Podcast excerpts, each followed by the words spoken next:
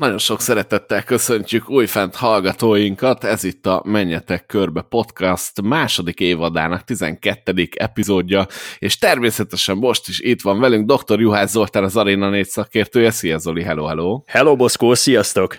És Rós András, aki szintén hétről hétre az Arena 4-nél tevékenykedik a NASCAR-ban. Hello, Morfi, szia! Sziasztok, hello!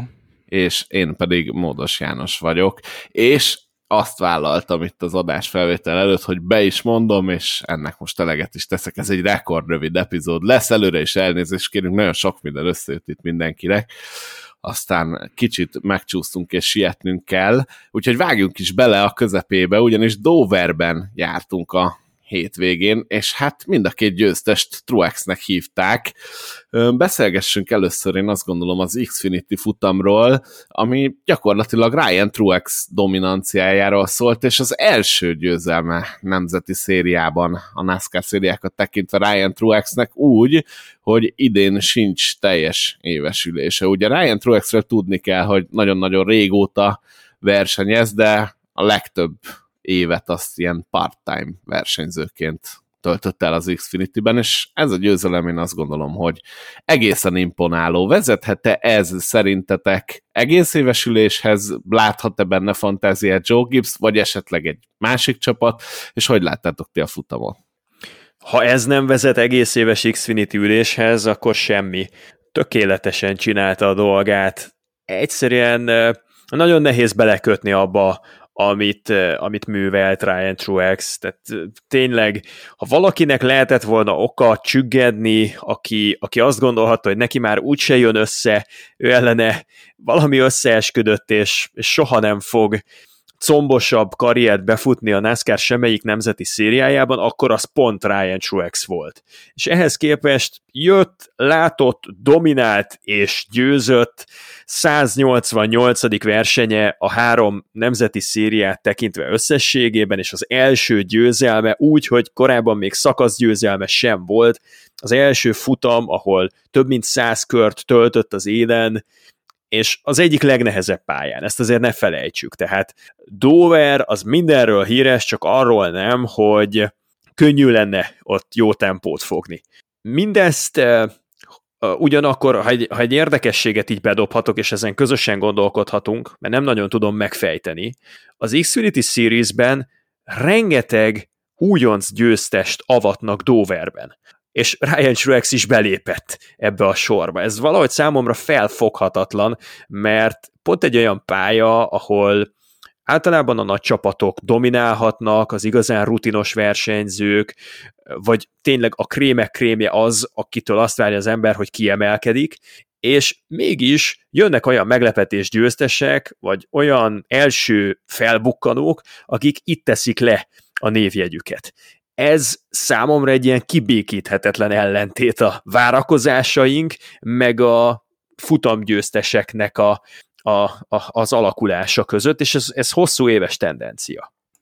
Én megmondom őszintén, hogy gondolkodtam ezen, amióta felvetetted körülbelül kettő vagy három perc ezelőtt, és vaktöltényekkel lövöldözök, úgyhogy nincs, nincs ötletem. Főleg az, hogyha meg, megnézed a másik oldalról, akkor tényleg vannak olyan versenyzők, akiknek ez a pálya nagyon megy, de ugyanakkor vannak olyan versenyzők, akik meg ide jönnek, és mondjuk első alkalommal tudnak nyerni, úgyhogy nincs megfejtésem rá.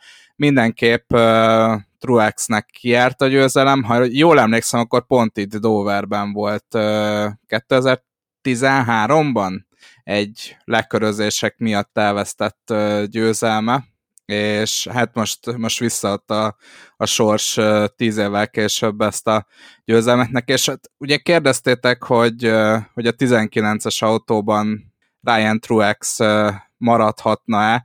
Hát figyelj, hogyha megnézzük, hogy idén kik azok, akik uh, ugye a 19-es autóban mentek, vagy be vannak jelentve, ugye Mayat Snyder, aki egy viszonylag jó versenyző, de inkább a középmezőnybe raknám Joe Graf Jr., Ty Gibbs, Conor Mossek, tehát ugye Ty Gibbs elég kevés versenyt fog menni, ő már nem erre a szériára koncentrál, és hát ugye Ryan Truex, aki, aki egyértelműen ezek közül a versenyzők közül a legimpresszívebb szezont hozza az indulásai során, szinte végig ott volt a, az első helyezések környékén, úgyhogy én mindenképpen elgondolkoznék Gipszék helyébe, vagy akár egy másik csapatnál, hogy, hogy leigazoljam teljes időre.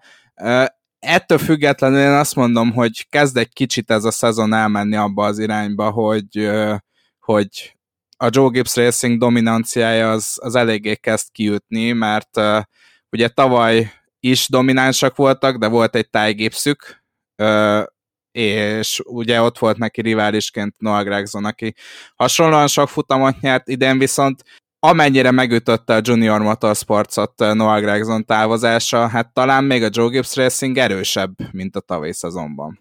Oké, okay, csak Austin Hill vezeti a bajnokságot.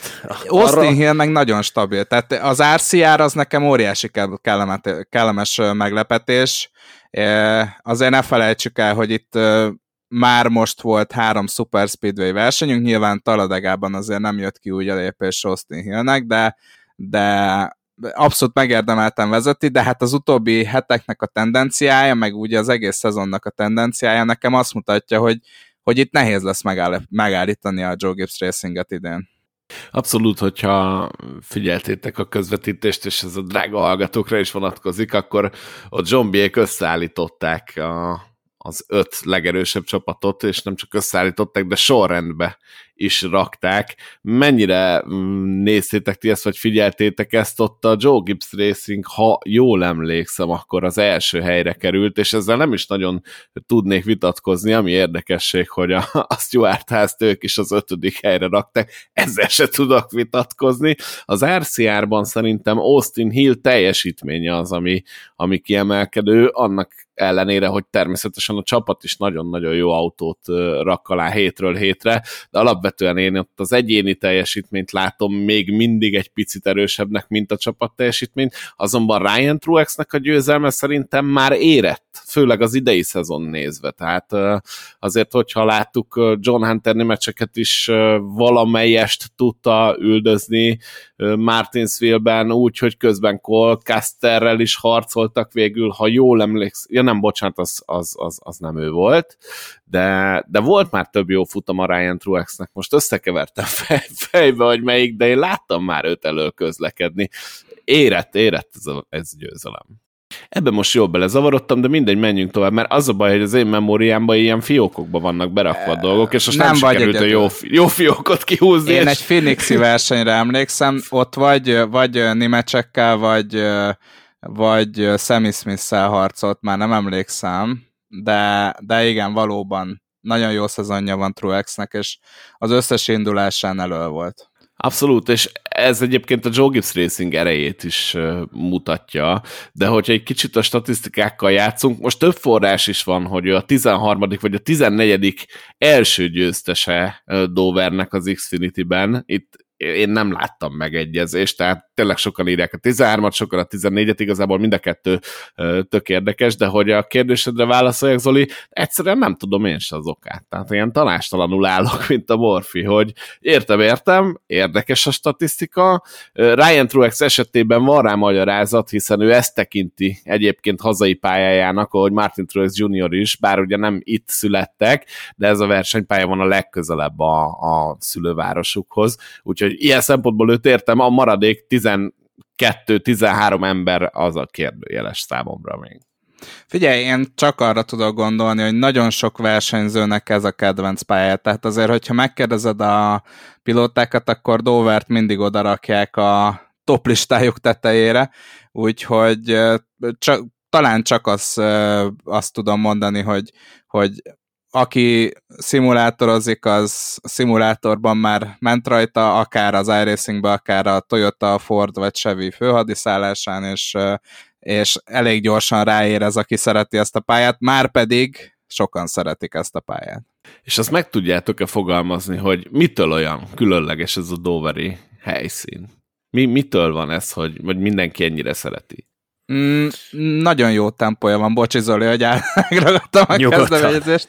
Nagyon, nagyon jó tempója van, ugye nagyon nagy a dőlésszöge a kanyaroknak, és tényleg kicsit olyan, mint a hullámvasút, és egyszerűen, amikor tényleg szinte megmagyarázhatatlan, most én nyilván csak szimulátoros szempontból uh, magyarázom ezt, és nekem is egyébként az egyik kedvenc helyszínem Dover, de tényleg amikor, amikor úgy igazán sikerül eltalálni az ívet, uh, akkor, akkor elképesztően jó érzés körbe menni ezen a pályán, és, és nyilván ugye több fajta ív is választható, mehetsz nagyon szűken, mehetsz egy picit föntebb, de az egy picit jobban koptatja a gumit, úgyhogy tényleg egy, egy zseniális pálya.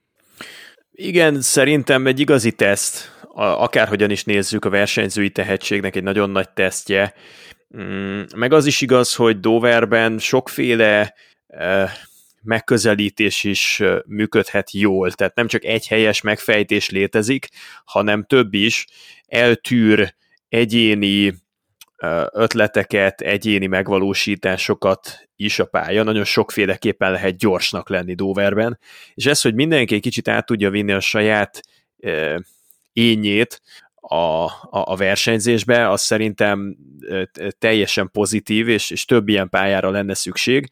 Valami jogból kifolyólag azonban mégis, ha hogy visszarévedünk a múltban, ilyen igazi tűzijátékot hozó dóverű versenyeket nem találunk, mert jellemzően tényleg annyira nehéz megtalálni az ideális beállítást, és annyira nagy különbségek alakulhatnak ki a mezőny tagjai között, értem ez alatt elsősorban a Cup Series-t, de az Xfinity-t is, hogy hogy a lehető legritkább azt szerintem, amikor az elejétől a végéig tűzijáték és folyamatos akciók röpködnek, e, ellenben ez semmit nem volna szerintem a pályaértékéből. Tehát nem lehet minden verseny egy ilyen gimmicky, egy ilyen um, vásári mutatvány, amikor, amikor az ember egyik ámulatból a másikba esik, egyik nagy csattanás a másikat követi.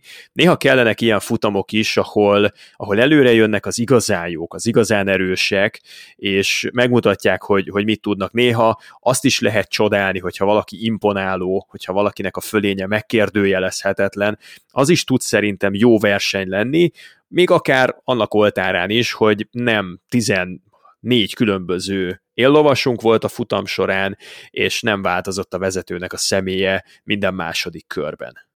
Igen, meg szerintem az épített pályákon is vannak ilyen helyszínek, hogy, hogy Isten igazából nagyon jó versenyek nincsenek rajta, de a versenyzők meg elképesztően élveznek rajta vezetni, meg az autókat is jó nézni rajta, ahogy mennek. Tehát nagyon sok látványos, helysz, látványos ovál helyszín van a NASCAR Cup Series versenynaptárában, meg a NASCAR versenynaptárában, meg mindenki más szeret nyilván, de azért amikor ott a, a kijönnek a kettes meg a négyes kanyarból a versenyzők, és gyakorlatilag kilőnek a hullámvasútról, az egy zseniális látvány itt Doverben.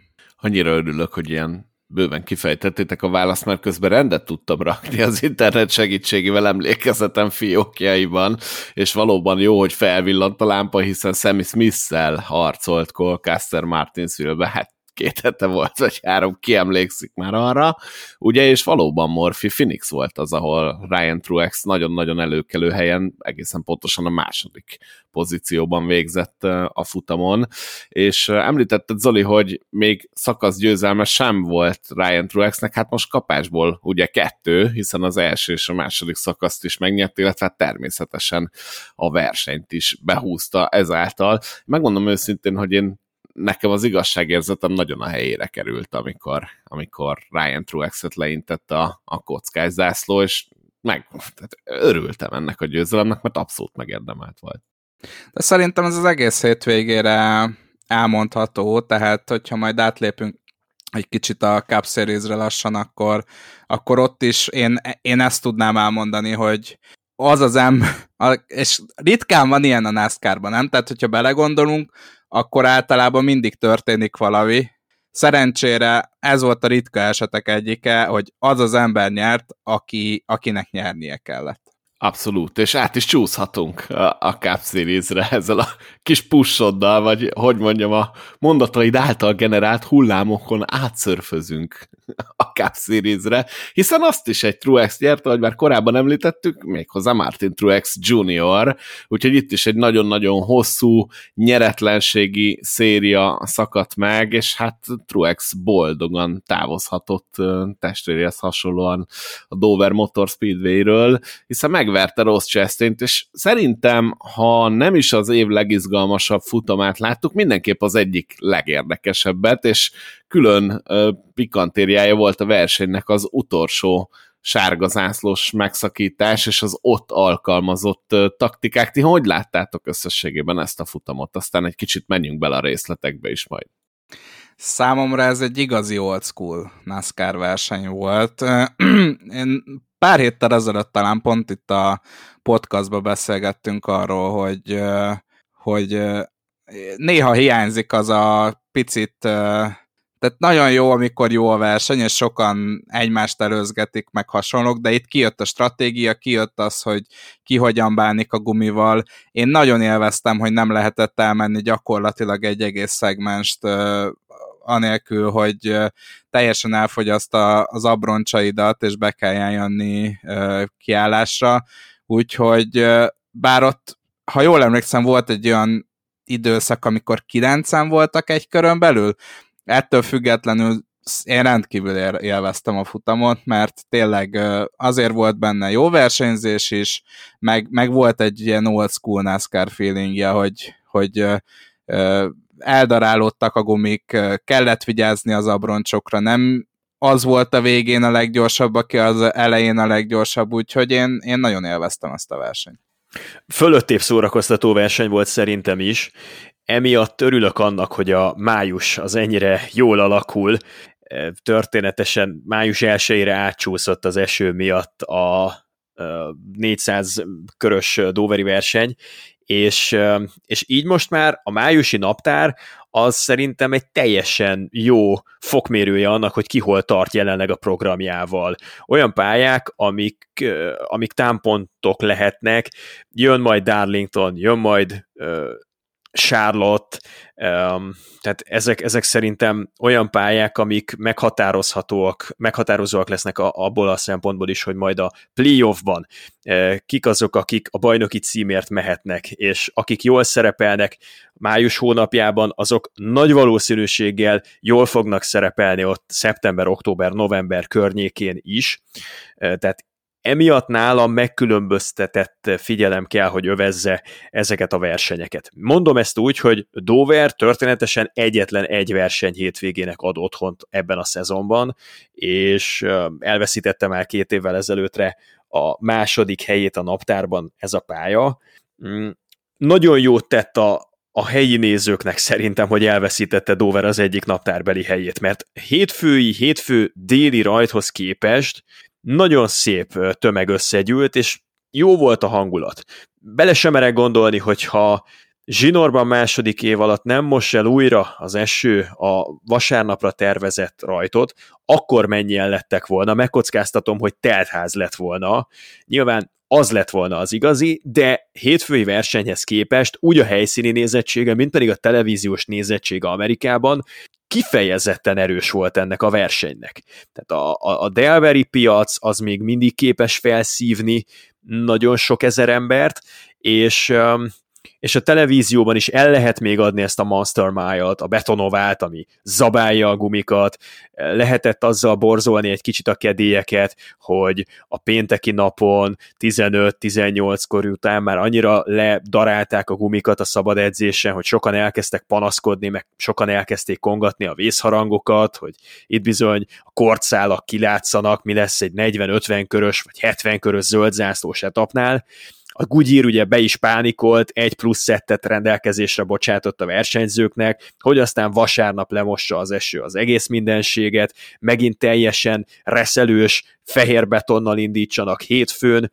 Tudjuk, hogy mit jelent az, hogyha hőmérsékletváltozás van, arra a beton nagyon érzékenyen reagál, tudjuk, hogy mit jelent az, hogyha felhős az ég, utána kisüt a nap, az mekkora módosítást igényel az autókon, a verseny végére mindenki túlkormányzottá vált hirtelen, ahogy megjött a nap, és uh, ahogy Andris mondta, egy igazi old school, régi típusú, régi vágású futam, ami miatt megszerettük 15-20 évvel ezelőtt a NASCAR-t, azt kaptuk, és ebből én minden vasárnap el tudnék fogyasztani egy 3-4 óra hosszányit. Abszolút egyetértek ezzel, és azt még meg kell említsem, hogy 2021. szeptember 11-én volt, hogy Martin Truex Jr. utoljára győzni tudott, ennek a helyszíne Richmond. Szerintetek mi vezetett odáig, hogy Truex ennyi ideig nem tudott futamot nyerni? Azért én úgy látom az ő elmúlt másfél-két évét, hogy abszolút megvolt a tempó, és rengeteg futamon esélyes volt, aztán mindig jött valami, vagy egy balszerencse, vagy egy technikai hiba, vagy egy rossz szerelés, vagy egy rossz taktikai döntés, de alapvetően én nem éreztem azt, hogy Truex olyan túlságosan nehezen venné föl a fonalat az elmúlt két évben a mezőnyel, és én inkább azt láttam, hogy inkább jó pár győzelem elmaradt Truex részéről, ami, ami úgymond járt volna neki, hát természetesen az élet nem így működik, de ti is így látjátok, vagy esetleg Truexnek volt teljesítménybeli visszaesése, hogy gondoljátok ezt a dolgot? Nem tudok sokat hozzátenni ahhoz, amit elmondtál, mert abszolút én is így látom talán a, a Next Gen érának az elején voltak olyan versenyei Martin Truex Jr.-nak, amikor picit nehezebben vette föl a fonalat, de mondjuk ez a 2022-es szezon mondjuk első öt vagy tíz versenye. A tavalyi évben szerintem volt legalább három olyan futam, amikor neki kellett volna, hát idézőjelben a NASCAR-ban ugye nincsen ha, de egy, egy utolsó körös, vagy egy utolsó húsz körben megeső sárga zászló vette el a győzelmet, egy, ahogy te is mondtad, pit hiba, úgyhogy százszerzelékosan egyetértek azok a, a, az indokokkal, amiket te, te felsoroltál ez egy ilyen kicsit csalóka nyeretlenségi széria volt, mert, mert abszolút a tempója meg volt Truexnek. Érdemes lenne szerintem megnézni, hogy ezzel az új hetedik generációs autóval az ezerszer lesajnált Martin Truex uh, hány top 10-et szállított, milyen az átlagos befutó helyezési száma, mert szerintem a szemteszt, meg a száraz tények, azok azok nagyon messze vannak egymástól. Sokan szerintem csak legyintenek, ha Martin Truexnek az elmúlt másfél évére én azt mondom, hogy kivételesen jó másfél év volt. Azt mondják, hogy elgurult a gyógyszerem, vagy nem ugyanazt néztük, pedig eh, szerintem összességében az egyik legjobb versenyautó, a 19-es, és az egy, egyik legstabilabb versenyző a hetedik generációs kocsival is Martin Truex. Nem jöttek a futamgyőzelmek, ez tagadhatatlan. De elég sok különféle módját találta meg szegény Truex annak, hogy elveszítsen nyerhető versenyeket, vagy már félig megnyert versenyeket. James Smallnak, a csapatfőnöknek is volt két-három nagyon rossz hívása sorsfordító helyzetekben. És Truex valahogy mindezek ellenére képes volt betonbiztosan jönni mindig a vezetőkörön, nagyon ritkán esett ki, nagyon ritkán hibázott emblematikusat, és azt a tőle megszokott, amolyan Kevin Harvickhoz mérhető, fogható stabilitást ő is tudja ezzel az új kocsival. Csak mivel mindenki annyira ki van hegyezve a győzelmekre, és csak az lehet a sikernek a mércéje, hogy hány futamgyőzelme van, így például a Ryan Blaney meg a Martin Truexek eddig teljesen le voltak sajnálva. Ezért azt hiszem, hogy, hogy abban is van valamiféle nagyság, és azt is el kell ismerni, még ha a média nem is fogja megtenni ezt az elismerést, még ha a rendszer nem is fogja elismerni ezt a fajta stabilitás, de, de ebben a mezőnyben, ahol én fenntartom, van 25-26 nagyon durván kompetitív autó, és van egy, egy, egy, egy, egy olyan intenzív tömörülés a legjobb 15-20 helynek a leosztását, az, hogy valaki ilyen rátával, ilyen frekvenciával szállítsa a, a top 10-eket, meg a vezetőkörös befutókat, mint ahogyan Truex szállította, az önmagában imponáló. Nekem futamgyőzelem nélkül is nagyon tetszett a Truex féle teljesítmény. Az egy skandalum volt, hogy ő tavaly lemaradt a playoffról ezzel a teljesítménnyel. Ez szerintem minden idők legjobb nem playoffot érő verse, ö, ö, szezonja volt Truex számára, amit ő tavaly húzott. Úgyhogy nagyon helyén van az igazságérzetemben ez a futam győzelem. Nagyon régóta kiártnek, és nagyon örülök, hogy megtörtént és kicsit trükkös voltam, mert szerettem volna felvezetni a következő kis híremet, ami pedig az, hogy erősen megindultak a beszélgetések, hogy Martin Truex Jr. 2024-re is aláírjon adott esetben a Joe Gibbs Racinghez, ugyanis nem csak neked tetszett Zoli és Morphy, vagy nektek tetszett Truex teljesítménye, hanem Joe Gibbsnek is nagyon tetszett, aki azt nyilatkozta, hogy szerintem ez óriási dolog, mármint nyilván értette ezt a győzelemre, és folyamatosan beszélgetünk a jövő évről, szeretnénk, ha velünk maradna, ameddig csak meg tudjuk erről őt győzni, és a legjobb módja ennek az, hogyha futamokat nyer, és van esélye a bajnoki címre. Ezt Joe Gibbs mondta a szájával, és hát Martin Truex Jr. sem zárkózik el adott esetben a hosszabbítástól, mert említette, hogy lehetséges, hogy visszaülne ebbe a 19-esbe 2024-ben is. Mennyire látjátok ezt reálisnak, és mennyire tartjátok ezt jó döntésnek Truex részéről, ha és amennyiben megszületik, nyilván még nincs ez kimondva. Az az igazság, hogy picit félve olvasom ezeket a nyilatkozatokat Joe Gibbsről, mert én tavaly végigolvastam, végigírtam a Kajbus szerződés hosszabbításának a történetét, és hát megmondom őszintén, hogy hasonló szavakat hallottam elhangozni a szájából. Én nagyon örülnék neki, hogyha Truex maradna, de, de én, én a mai napig nem értem a Joe Gibbs Racinget, tehát van egy Martin truex és van egy Danny hamlin és valljuk be őszintén, hogy Christopher Bellnek vannak jó pillanata, és ő is nagyon szépen teljesít az utóbbi két évben, de ennek a csapatnak Truex és Hamlin a két vezető figurája. És ott tartunk, hogy lassan ráfordulunk a nyári periódusra, és ennek a két ö, meghatározó versenyzőnek még mindig nincs szerződése, tehát én, én inkább arra lennék kíváncsi, hogy mi lehet az az ok, amiért ilyen nehezen köttetnek meg, és születnek meg a szerződés hosszabbítások a Joe Gibbs Racingnél, vagy meg se születnek. Tehát ha nézzétek meg a Hendrik Motorsportsot, lehet, hogy Bowmannel kapcsolatban tévedek, de illetve Byronnal kapcsolatban tévedek, de tavaly ilyenkorra szerintem már mindenkinek megvolt a szerződés hosszabbítása, nem voltak kérdések az autókkal kapcsolatban, és, és ez, ez egy óriási stabilitásra mutat. Tehát én igazából ez, ezt nem értem, hogy, hogy hogy lehet az, hogy itt vagyunk 2023 májusában, és gyakorlatilag két, van két szabad ügynöke a Joe Gibbs Racingnek segítek az okot megtalálni, pénz. Ez egy rövid, tömör, velős válasz volt. De, de, most de a Toyota pénz, vagy Joe Gibbs Racing pénz? A szponzori pénz.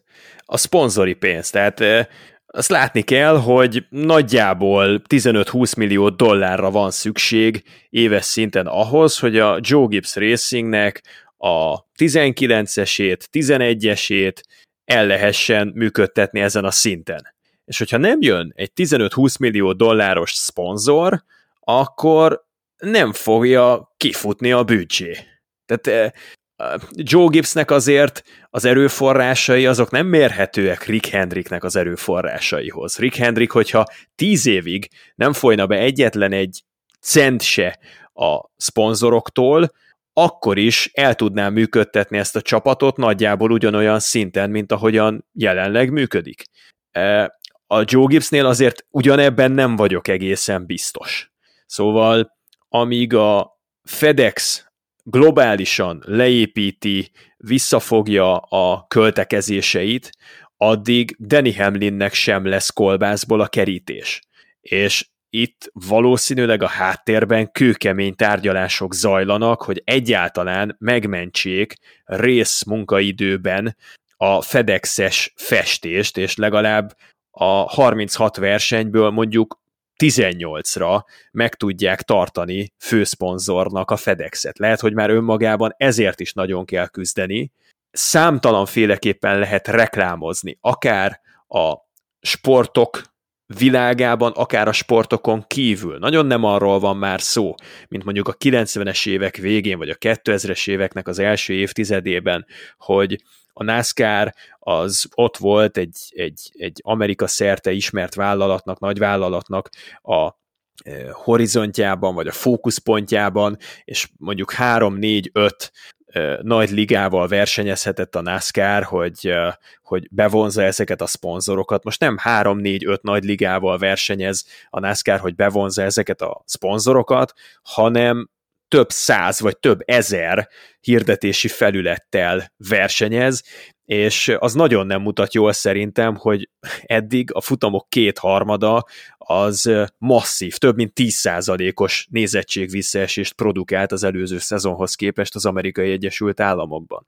Így, ilyen körülmények között hátrányba kerülnek a csapatok, a tárgyalóasztalnál nincsen igazából ütőkártya a kezükben, és amikor megkérdezi egy szponzor, hogy nagyon aranyosak vagytok, hogy rám akarjátok tukmálni a 2024-es dolgaitokat, és mondjuk, hogy erre hajlandóak is vagyunk áldozni, de mi lesz utána? 2025 után? Egyáltalán lesz NASCAR? Nem tudnak semmi biztosat mondani jelen körülmények között. Nem, hogy egy hosszú távú, de egy középtávú vízió sincsen. Talán a Trackhouse leszámítva, meg meg, mondjuk a Penskit leszámítva, én nem nagyon látom azt a, azt a nagyon erős marketing gépezetet, ami képes lenne 100 millió dollár számra vonzani a befektetőket évi szinten egyes csapatokhoz. És a Joe Gibbs Racingnél én tudnék amellett érvelni, hogy marketing szempontból elég rosszul menedzselt az utóbbi egy-másfél éve a, az istálónak. Én egy picit más irányba kanyarodnék, mert ehhez én személy szerint nem tudok semmit hozzátenni, és szerintem abszolút igazad van. Viszont amiket én így olvasgatok, így a Truexnek a hosszabbításának kapcsán, azok azok a hangok, hogy hát ő már azért elég koros, stb. stb. Azért azt elmondanám, hogy Martin Truex Jr. 42 életévében jár, és a négyesben ülő bizonyos Kevin Harvick névre hallgató úriember a 47-et tapossa, ami azt jelenti, hogy 5 évvel idősebb Martin Truex Jr.-nál, úgyhogy azért a NASCAR-ban nem ritka, hogy valaki ilyen sokáig versenyezzen, nyilván nem mindennapos, de nem is ritka, és szerintem Martin Truex teljesítményét nézve azért még egy-két jó év biztosan benne van, és szerintem is innen lehet a közelíteni inkább a problémát, ahonnan te mondod, Zoli, hogy, hogy mondjuk a Best Pro Shop nak sincs így meg évekre előre a, a büdzséje, vagy ez nem olyan egyértelmű, hogy, hogy ennyire Truex mögött fognak állni, illetve leteszik a voksukat a Joe Gibbs Racing mellett. Az a fura tudod, hogyha választanom kellene, hogy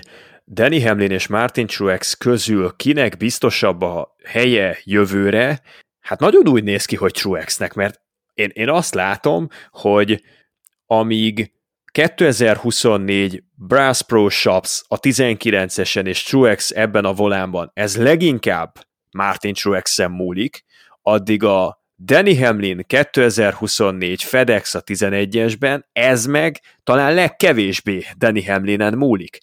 Hamlin és Truex között ráadásul még talán fél év sincsen, tehát ha azt mondjuk Truexre, hogy kiöregedett, és tessék menni nyugdíjba, akkor ezt Danny Hamlinnek is lehet mondani. Szerintem mind a kettő egy tökéletes korban lévő NASCAR versenyző. Oké, okay, statisztikailag tudom, 39 év az a, az, a, az a legideálisabb, ott adja le a legnagyobb teljesítményét egy NASCAR versenyző átlagban, de mind Danny Hamlinen, mind Martin Truexen én azt látom, hogy csöppet sem gyengültek karrierjüknek az utolsó harmadára, negyedére, hol járhatnak most. Semmivel nem rosszabb versenyzők, mint voltak négy-öt évvel ezelőtt, amikor Truex a bajnoki címet nyerte, meg amikor Danny Hamlin elkezdte halmozni mondjuk a Dayton 500 sikereket. Én nem látom egyiküknél sem a visszaesést.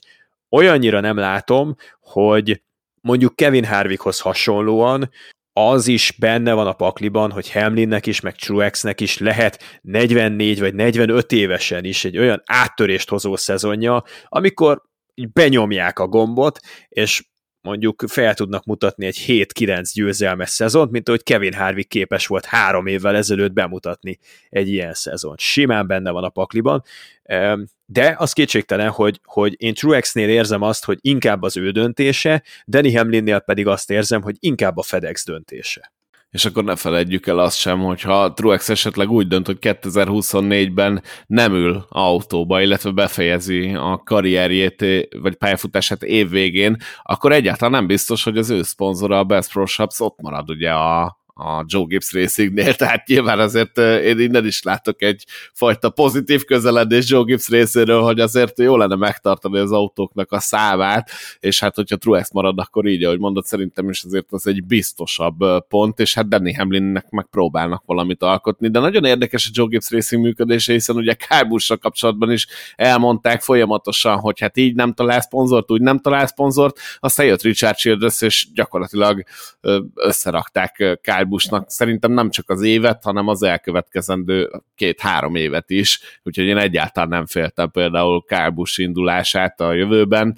Mm, lehet, hogy ezt a problémát akkor most Danny Hamlinnél kellene megoldani a Joe Gibbs Racingnek, nehogy jöjjön valaki, aki azt mondja, hogy oké, okay, hát ha ti nem, akkor majd összerakjuk mi, mert ugye pont az említett Kyle Busch például visszavonul évvégén, vagy Kyle Busch, bocsánat, Kevin Harvick visszavonul évvégén, és ez már biztos. Igen, én itt a legnagyobb problémát a Joe Gibbs Racingnél, és ezt már egy picit felvetette valamelyik költök, hogy én már láttam Jimmy Johnson-tól eltávozni egy olyan szponzort, akit soha életemben nem gondoltam volna, hogy, hogy el fog veszíteni ugye a Lövszöt, amivel gyakorlatilag az összes bajnoki címét megnyerte.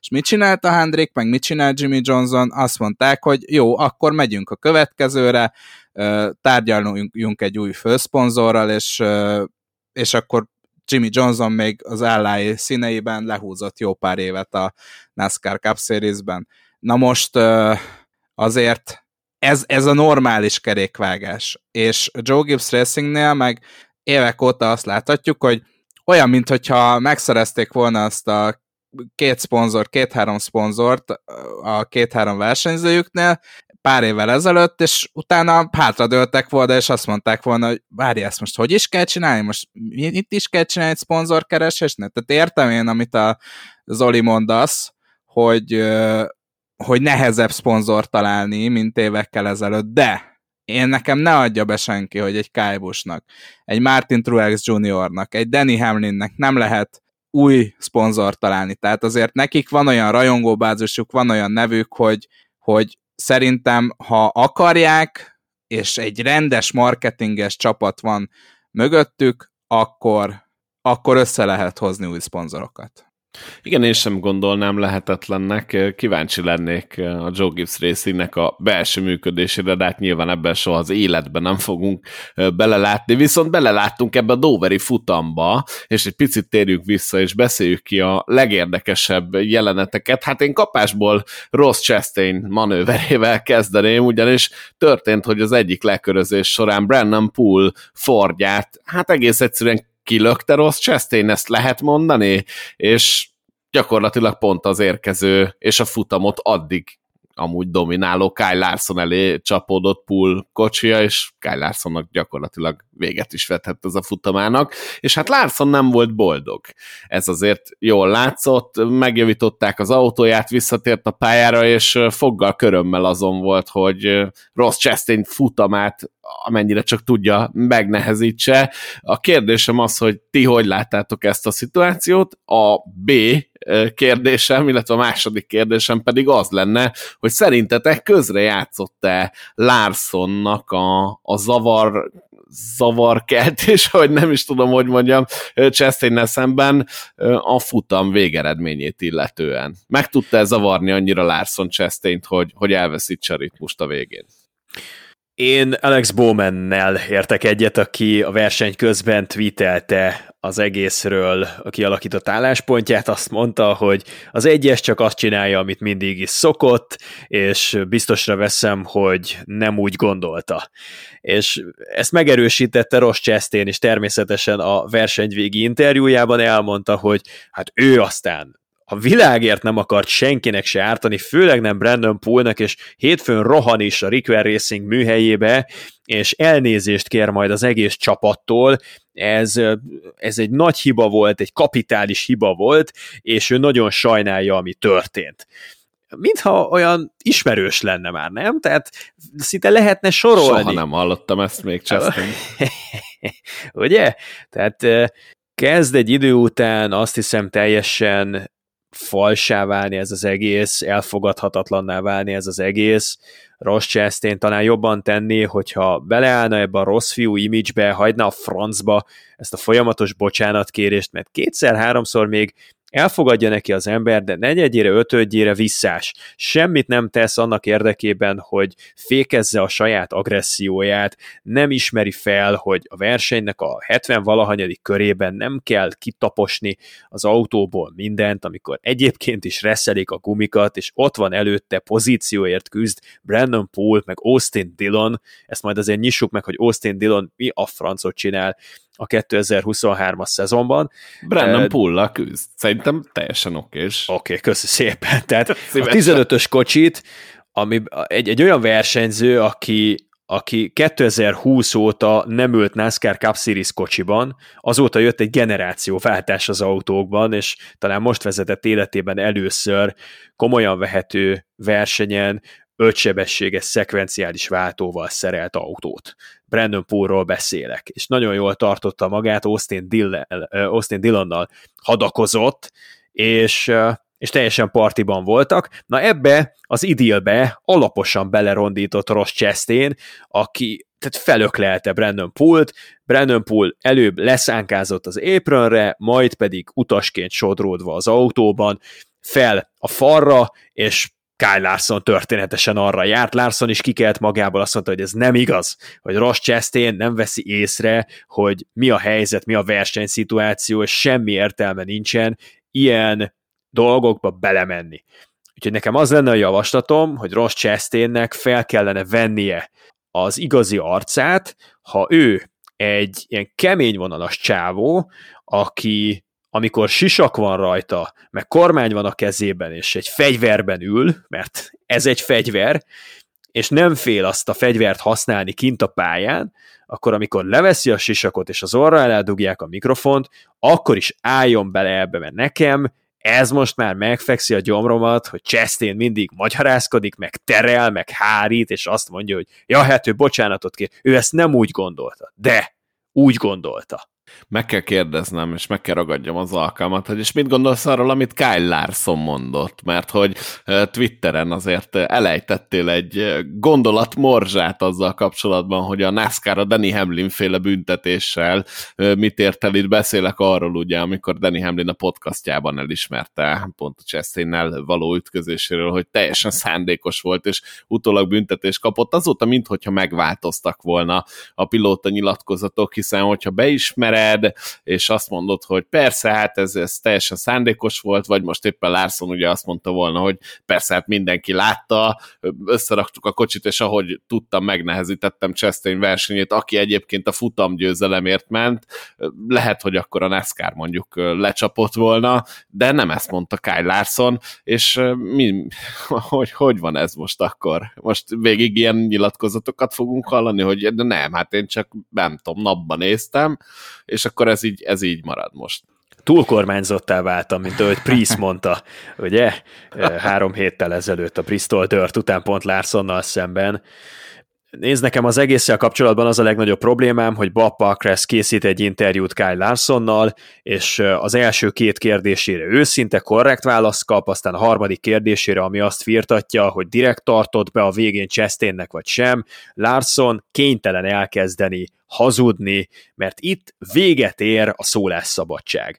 Ha erre a kérdésre őszintén válaszol Kyle Larson, akkor jön a 25 ezer dolláros büntetés, meg mondjuk vagy 25 pontot levonnak a kontójáról, amilyen lehet fellebbezni heteken keresztül mindenféle tárgyalásokra járkálni, és beáldozni ezért egy-két sprintcar futamot. Ez nem hiányzik Kyle Larsonnak, nem hiányzik Rick Hendricknek, és inkább Kyle Larson mond valami teljesen blőd dolgot, amit mindenki úgy értelmez, ahogyan szeretne. Ryan Priest ugyanezt tette. A NASCAR óriásit hibázott azzal, hogy Danny Hamlint megbüntették, ezt már sokszor elmondtam, nem akarok egy ilyen lejárt lemez lenni, ez az egész sportágnak a népszerűsítését, a karakterek felépítését, a szurkolók számára kézzelfoghatóvá tételét mételjezi meg, ássa alá az egészet, elképzelni nem tudok ennél destruktívabb, kártékonyabb döntést, mint amit a Hamlin-féle precedenssel elkövetett a NASCAR. É, félig értek egyet csak uh, vele, mert hogyha megnézitek például Matt Kenseth nyilatkozatát, miután hát gyakorlatilag a világ legnagyobb paybackét megadta Joey Logano-nak annó Martinsville-ben. Kellemes ő is, emlékek. ő is úgy nyilatkozott, hogy hát nem, nem lehetett már irányítani az autót, ő se ismerte be.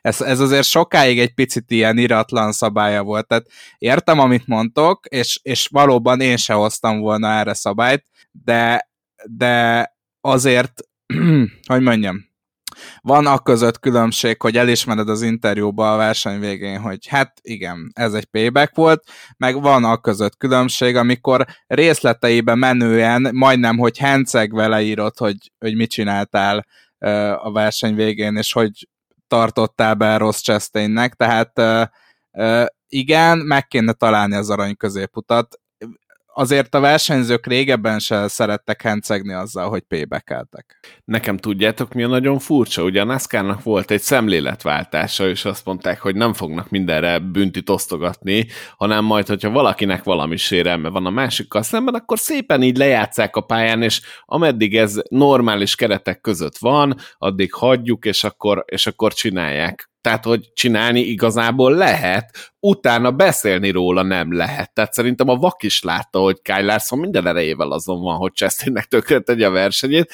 Eddig rendben van, pipa, Viszont ezt nem mondhatja el? Tehát, hogyha... Igen, ez jogos. Ez az érdekes, ez nem? Jogos, ez Tehát, jogos. És ezt a NASCAR mondta, hogy ezt így kell csinálni, ezt csináljátok, srácok, mert nem fogunk minden szírszarra büntetést osztani. Megcsinálhatod, megtapsoljuk, és mondani nem lehet. Igen, tökéletesen igazad van, mert azt tudjuk, mindenki, aki nem teljesen vak, az tisztában van vele, hogy Ryan Priest is direkt tette a falba Kyle larson a Bristol Dirt versenyen, és törlesztett vele szemben. Azt is tudjuk, hogy Kyle Larson direkt fékezett be Ross Chastain előtt, és körökön keresztül feltartotta, hogy ne tudja Chastain megnyerni a versenyt. Más kérdés, hogy nem ezen múlott végül, de akár ezen is múlhatott volna, és igazán nem uh, Larson akarásának hiányát dicséri, hogy végül Chastainnek mégis meg lett volna a lehetősége megnyerni a versenyt a NASCAR nem azt bünteti, ami a pályán történik, hanem azt bünteti, ami a pályán kívül történik. És ez a nevetséges. Amikor ott vannak az SMT adatok, mindenki látja, hogy 389 körön keresztül hogyan használta a gázpedált, a fékpedált, meg milyen szögben forgatta el a kormányt, milyen sebességi fokozatban egy adott versenyző, és az utolsó 11 körre ezen változtat annak érdekében, hogy törleszem valakivel szemben, akkor a NASCAR-nak ott lenne az objektív lehetősége, sőt, megkockáztatom kötelezettsége, hogyha el akar kezdeni szankcionálni úgynevezett versenymanipulációkat, ahogy a nők leírják a történteket, akkor objektíve ezeket szankcionálja. Minden eszköz megvan. Ehhez képest mi történik? Nem az objektív bizonyítékhoz nyúlunk, hanem a teljesen szubjektív szempontokat vesszük előre. Ha podcasted van, és ott te elmondod, de nem mi üzemeltetjük, akkor megbüntetünk, ha podcasted van, és ott elmondod, hogy törlesztettél, sőt, még direkt sárgát is akartál előhívni, igaz, egy kicsit virágnyelven fogalmaztál, hát az a mi podcastünk, akkor téged nem büntetünk meg, itt Corilla Joyra gondolok.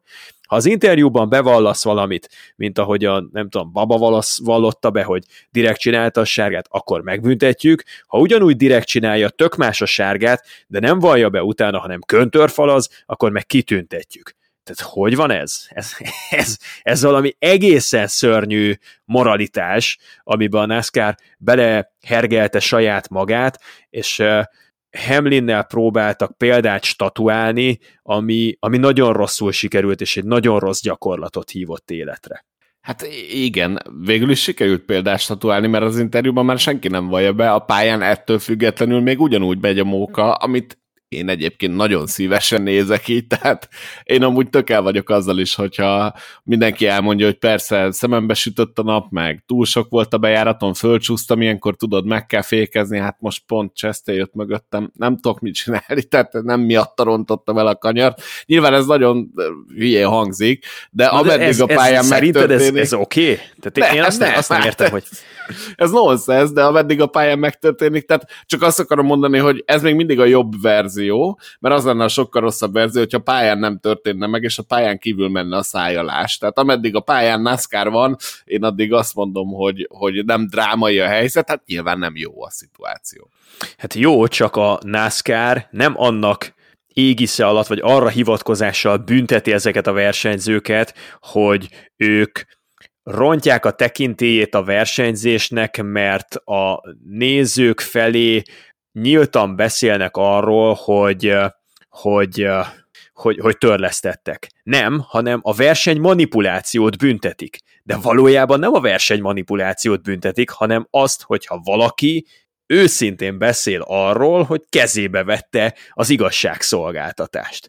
E, és ez az, ami nekem nem fér a fejembe, meg ez az, ami képmutatás a NASCAR részéről, hogy ők azt hazudják, hogy a verseny manipulációt büntetik, mindeközben viszont nem azt büntetik, hanem azt, amikor, amikor valaki a saját ö, egyéniségét kibontakoztatja azzal, hogy őszintén válaszol egy kérdésre, és ami a szívén, az a száján. Ez szerintem egy marha nagy probléma, összeegyeztethetetlen azzal, amit a NASCAR-ban szeretnek az emberek, amiért a NASCAR-t szeretik, és ha ez így marad, ha ezen nem változtat a NASCAR nagyon sürgősen, valami transzparens módon nem hirdet egy 180 fokos fordulatot, akkor ennek olyan következményei is lesznek, hogy nem tud a média felépíteni karaktereket, vagy csak nehezebben tud, és az egyébként is stagnáló nézőközönségben nem tudnak jönni újak, fiatalok, akik, akik szeretik ezt, amikor valaki úgy tökösen odaáll a kamerák elé, és megmondja a frankót, ami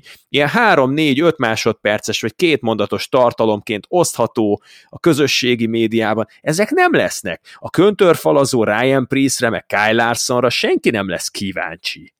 Most azon gondolkodtam, hogy nem tudom, emlékeztek-e, már melyik jó pár évvel ezelőtt volt, amikor Brad Keselowski folyamatosan okozta a Super Speedway-en a baleseteket, és az egyik interjújában azt mondta, hogy I'm telling these guys I'm not lifting. hogy vajon most ezért is büntette a NASCAR szerintetek? Hát épp, éppen ezért kitüntetni kéne, mert az van a szabálykönyvben, hogy folyamatosan száz százalékon kell menni. ez jó. Mi ez, ha nem száz százalék? Brad Keselowski gyakorlatilag csak a NASCAR szabálykönyve mentén végezte ezeket a futamokat, ugye? Tehát ezt kimondhatjuk most. Ő annak betűje szellemét követi. A szerint jár el.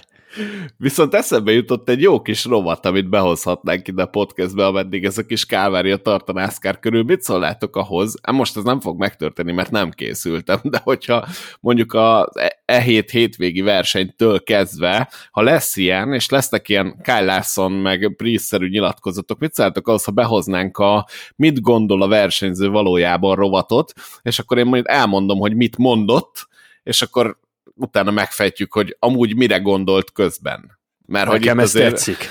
itt azért ez sokszor uh, nem stimmel. Nem, tudom, ismeritek-e a and Peel show-t, ami régen ment Amerikában a Comedy Central, mindenképp érdekes, vagy érdemes megnézni őket Youtube-on.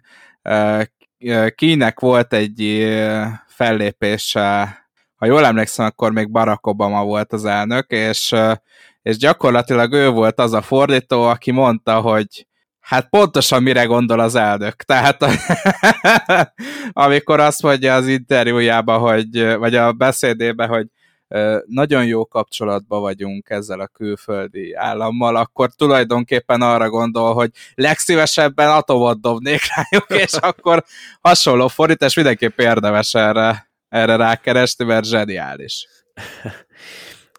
És ahhoz mit szóltok, amit Larson megfogalmazott az interjújában? Azt mondta, hogy Chastainnek a hibái, azok soha nem ütnek vissza rá negatív módon. És őszintén szólva, egyedül tavaly Pokonó rémlik nekem, amikor amikor nem tudta megnyerni a versenyt Ross Chastain, mert Hamlin betartott neki az újraindításnál, de az is inkább csak egy nagyon kemény versenyzés, egy nagyon kemény újraindítás volt a Hamlin részéről, nem pedig ez a teljesen nyilvánvaló visszatörlesztés.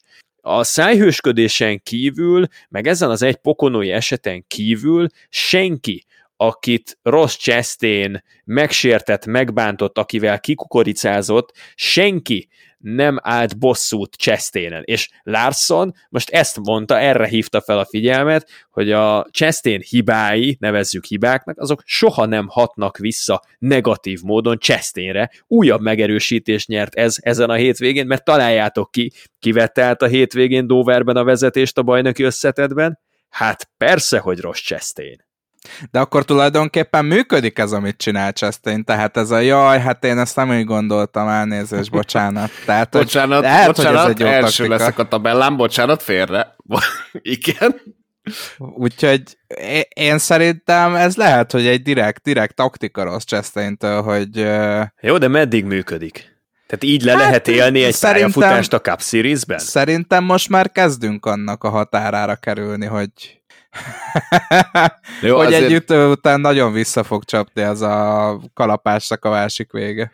Azért ebben a mezőnyben autóznak szerintem olyan emberek, akik hát finoman szólva is legalább hasonló dolgokat elkövettek, gondolok itt Kyle Buschra, vagy épp az imént emlegetett Brad Keselowski-ra, vagy Na Kevin ezt, Harvickra, tehát hogy... Ezt nagyon jól látod, tehát valószínűleg még nem kezdett ki azzal az emberrel rossz Chastain. Igen. Tehát azért, amikor én meg fogom nézni, amikor egy Joey Logánónak mondja azt, hogy hát sorry.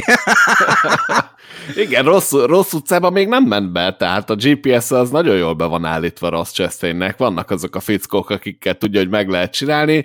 Én is megnézném, amikor Kesselovskit beforgatja és ráborítja Harvickra, amiben belecsúszik az érkező Joey Logano, hogy az onnantól hátralévő szezonja hogy néz neki rossz Chastainnek, mert mondjuk ebből a három fickóból egyiket se haragítanám magamra. Erre egyébként nagyon tökéletesen figyel rossz Chastain is, tehát Larson piszkágatja, Byron piszkágatja, Hamlin piszkágatja, szuper, de tényleg nincs visszaadva neki úgy kőkeményen, és Larson is hiába mondja, hogy nem érinti nagyon negatívan, azért tegyük a szívünkre a kezünket, Larsonnak is lett volna lehetősége ennél jóval keményebben törleszteni a futam során, mégsem tette meg. Tehát Larson is kicsit olyan, hogy persze, persze, nem kapja vissza ez a fiú soha, de amúgy ő se adta vissza neki úgy Isten igazából, nem? De hogy kellett volna törleszteni? Szerintem ez a tökéletes válaszreakció volt.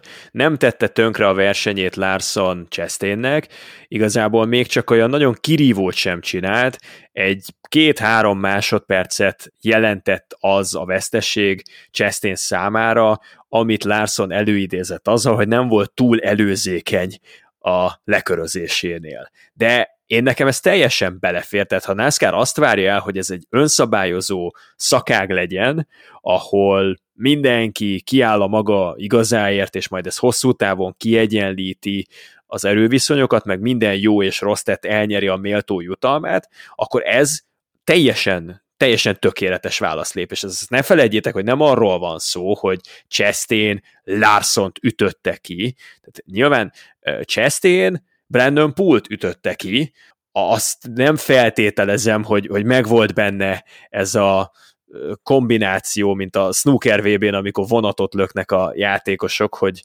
akkor, akkor most én Brandon Pullal fogom kipöckölni a nagy vetétársat Kyle larson aki talán a legerősebb autót hozza ezen a hétvégén a futamból. Tehát, tehát meg kellene hagyni szerintem, és, és tökéletesen meghagyta Larson az igazán durva válaszreakciót, arra az esetre, amikor Chastain nem Brandon Pool közvetítésével teszi tönkre a versenyét, hanem effektíve, közvetlenül Chastain Kyle Larson üti ki a versenyből.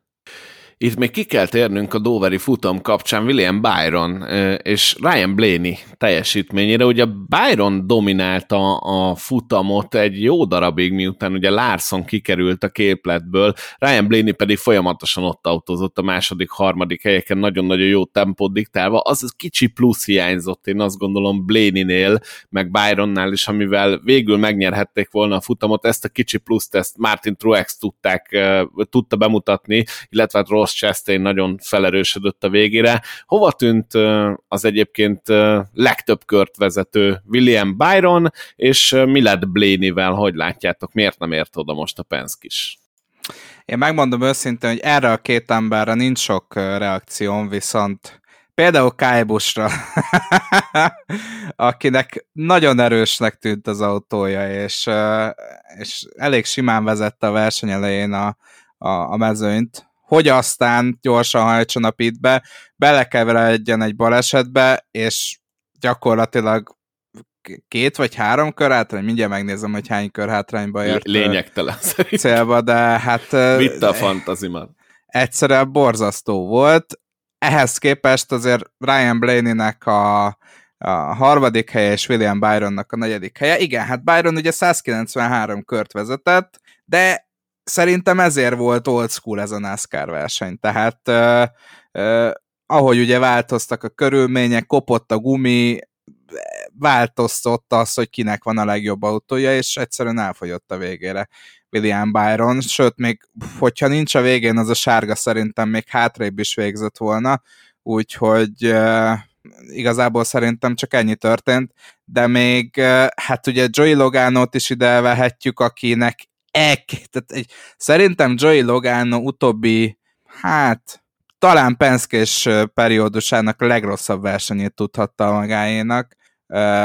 Aminek ugye baleset lett a vége, és a falba kötött ki, ugye Chase Briscoe már az elejétől kezdve érthetetlen volt, hogy mit csinált.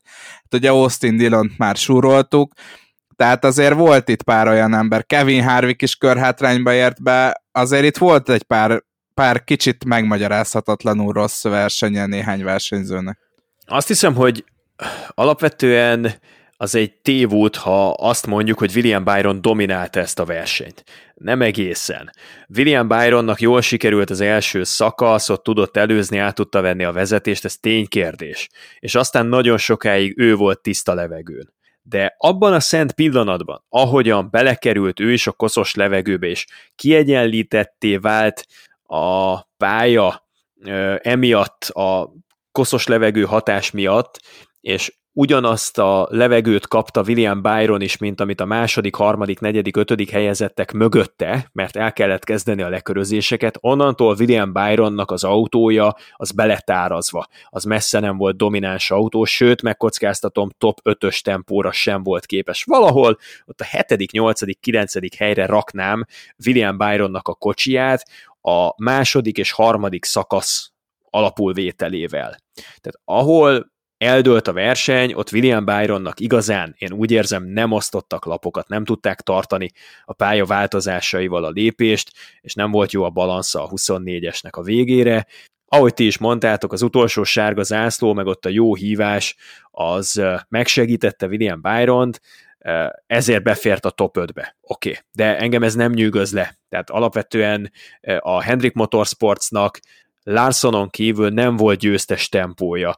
William Byron az egyetlen, aki legitim módon befért közülük a top 10-be tempó alapján, és Elliot, meg Barry ott valahol a 12.-13. helyeken lettek volna, ha a nyers erőt nézzük. Barry becsúszott a top 10-be, Elliot kicsit lemaradt róla.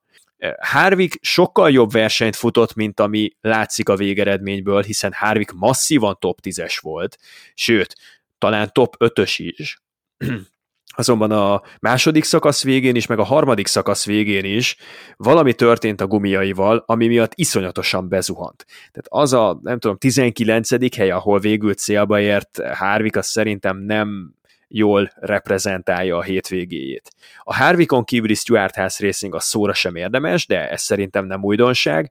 Nekem nagyon tetszett a Keselowski Pusher féle tandem, ők, ők szerintem ilyen top 4-es, top 6-os tempót tudtak menni, legalábbis Kezelowski a verseny javarészében, és Busher is top 10-es tempót, amit nagyon meg kell becsülni a Rausch Fenway Kezelowski újkori történetében.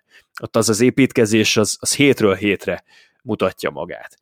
Volt tehát egy-két kimondottan üdes szín volt, meg volt egy-két félrevezető eredmény, és még mondok egy bátrat, nem biztos, hogy egyetértetek vele, a leggyorsabb autó nem a 19-es volt, a leggyorsabb autó az egyes volt. Nézzétek meg, ahogyan a hajrában, amikor Truex is és Chastain is koszos levegőn voltak, akkor Chastain mennyivel gyorsabb volt Truexnél. Sokkal. Tényleg azt a hátrányt, amit Larson miatt elszenvedett Chastain, azt pár kör alatt visszahozta, visszadolgozta Truexen.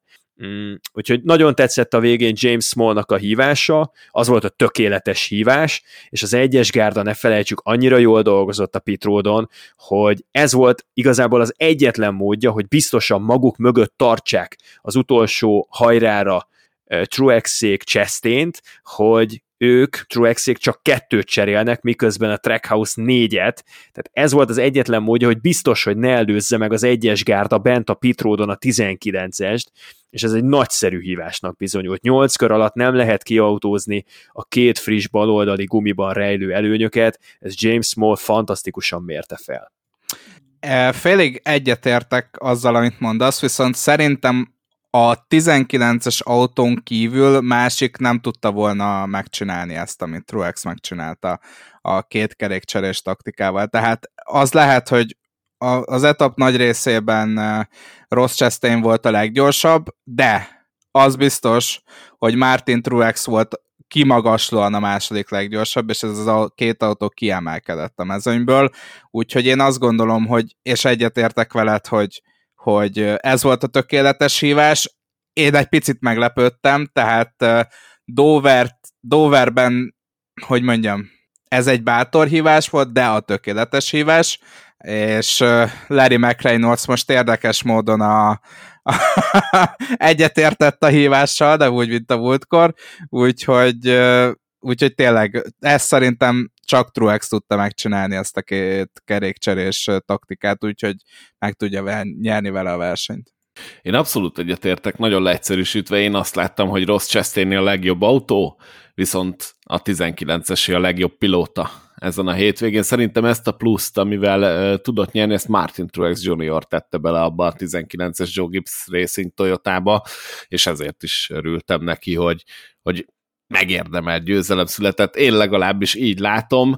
Mm, Blaney-ről esetleg valami, Zoli? Vagy ehhez kiegészítendő gondolat? Blaney alapvetően szerintem itt a, hogy is fogalmazzak, ott, ott valamikor talán március közepén elkezdett bitang jól menni. Addig inkább Logánót láttuk a penszkisek közül legjobbnak hétvégéről hétvégére, azóta viszont az elmúlt 5-6 verseny hétvégén én Blénin látom azt, hogy húzza magával a Penskit. Valahogy úgy, mint ahogyan Harvick szokta húzni a Stuart House Racinget, és erre érdemes lesz figyelni, mert Noha tudom, mindig elmondjuk, hogy már 56 verseny óta, most már 57 verseny óta nyeretlen Bléni, és az egyre cikibb, főleg így, hogy Truexről most már leszállt a nagy teher, Truex megszerezte a győzelmét, így most már az igazán nagyok közül Bléni az, aki egy hosszú nyeretlenségi sorozatot cipel magával, ez akár görcsössé is teheti, na de arra felhívnám a figyelmet, hogy az elmúlt másfél hónapban Bléninél erősebbet keresve sem találtok, és ezt Forddal megcsinálni, úgyhogy alig voltak Fordok a top 15-ben ezen a hétvégén, Bléni kivételével egyedül a Rausch lehet mondani, azért én azt nagyon nagy fegyverténynek érzem. A Penske-nek talán a leggyengébb ovája Dover, és ezt így összevetve Bléni nagyon tetszett, és, és engem lenyűgözött ezen a hétvégén. Mondja nyugodtan, Boszkó. Én annyit akartam csak hozzátenni, hogy persze most ez nem néz ki jól a Bléninek ez a hosszú nyeretlenségi sorozat, de hogyha mondjuk pont a szezon zárót, vagy a bajnoki döntőt ugye figyelembe vesszük, azt azért szerintem mindenki látta, hogy Bléni nyerte volna, és jó fejségből bekísérte Joey Loganot, hogy akkor úgy legyen bajnok, hogy első helyezett. Én, én nem gondolom, hogy azt a futamot meg tudta volna nyerni Logano Blaney hathatós segítsége nélkül, és akkor ugye már is nem beszélnénk erről az 57 futamról.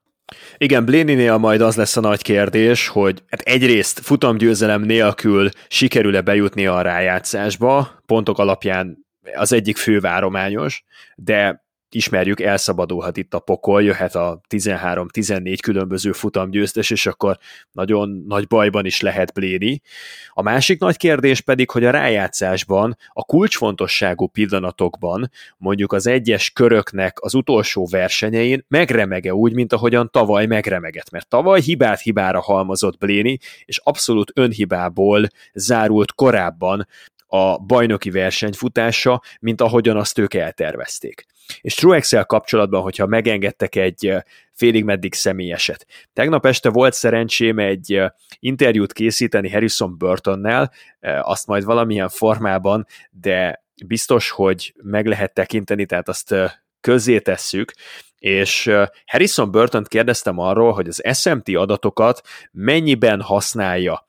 És azt mondta Harrison Burton, hogy nagyon tanulságos számára ezeknek az adatoknak az elemzése a hétvégén, amikor bejönnek az első szabad edzésről az eredmények, akkor mindig ezeket figyeli, és ugye egyrészt csapaton belül nagyon koncentrál arra, hogy mit művelnek a penskisek, és ki a legjobb a hétvégén, és nyilván őt próbálja kopírozni Harrison Burton is, és ezen túl szokta figyelni a mezőnyben a tendenciákat. És nagyon érdekes, arra hívta fel a figyelmet Harrison Burton, hogy mekkora ellentét feszül például Danny Hamlinnek meg Martin Truexnek a vezetési stílusa között.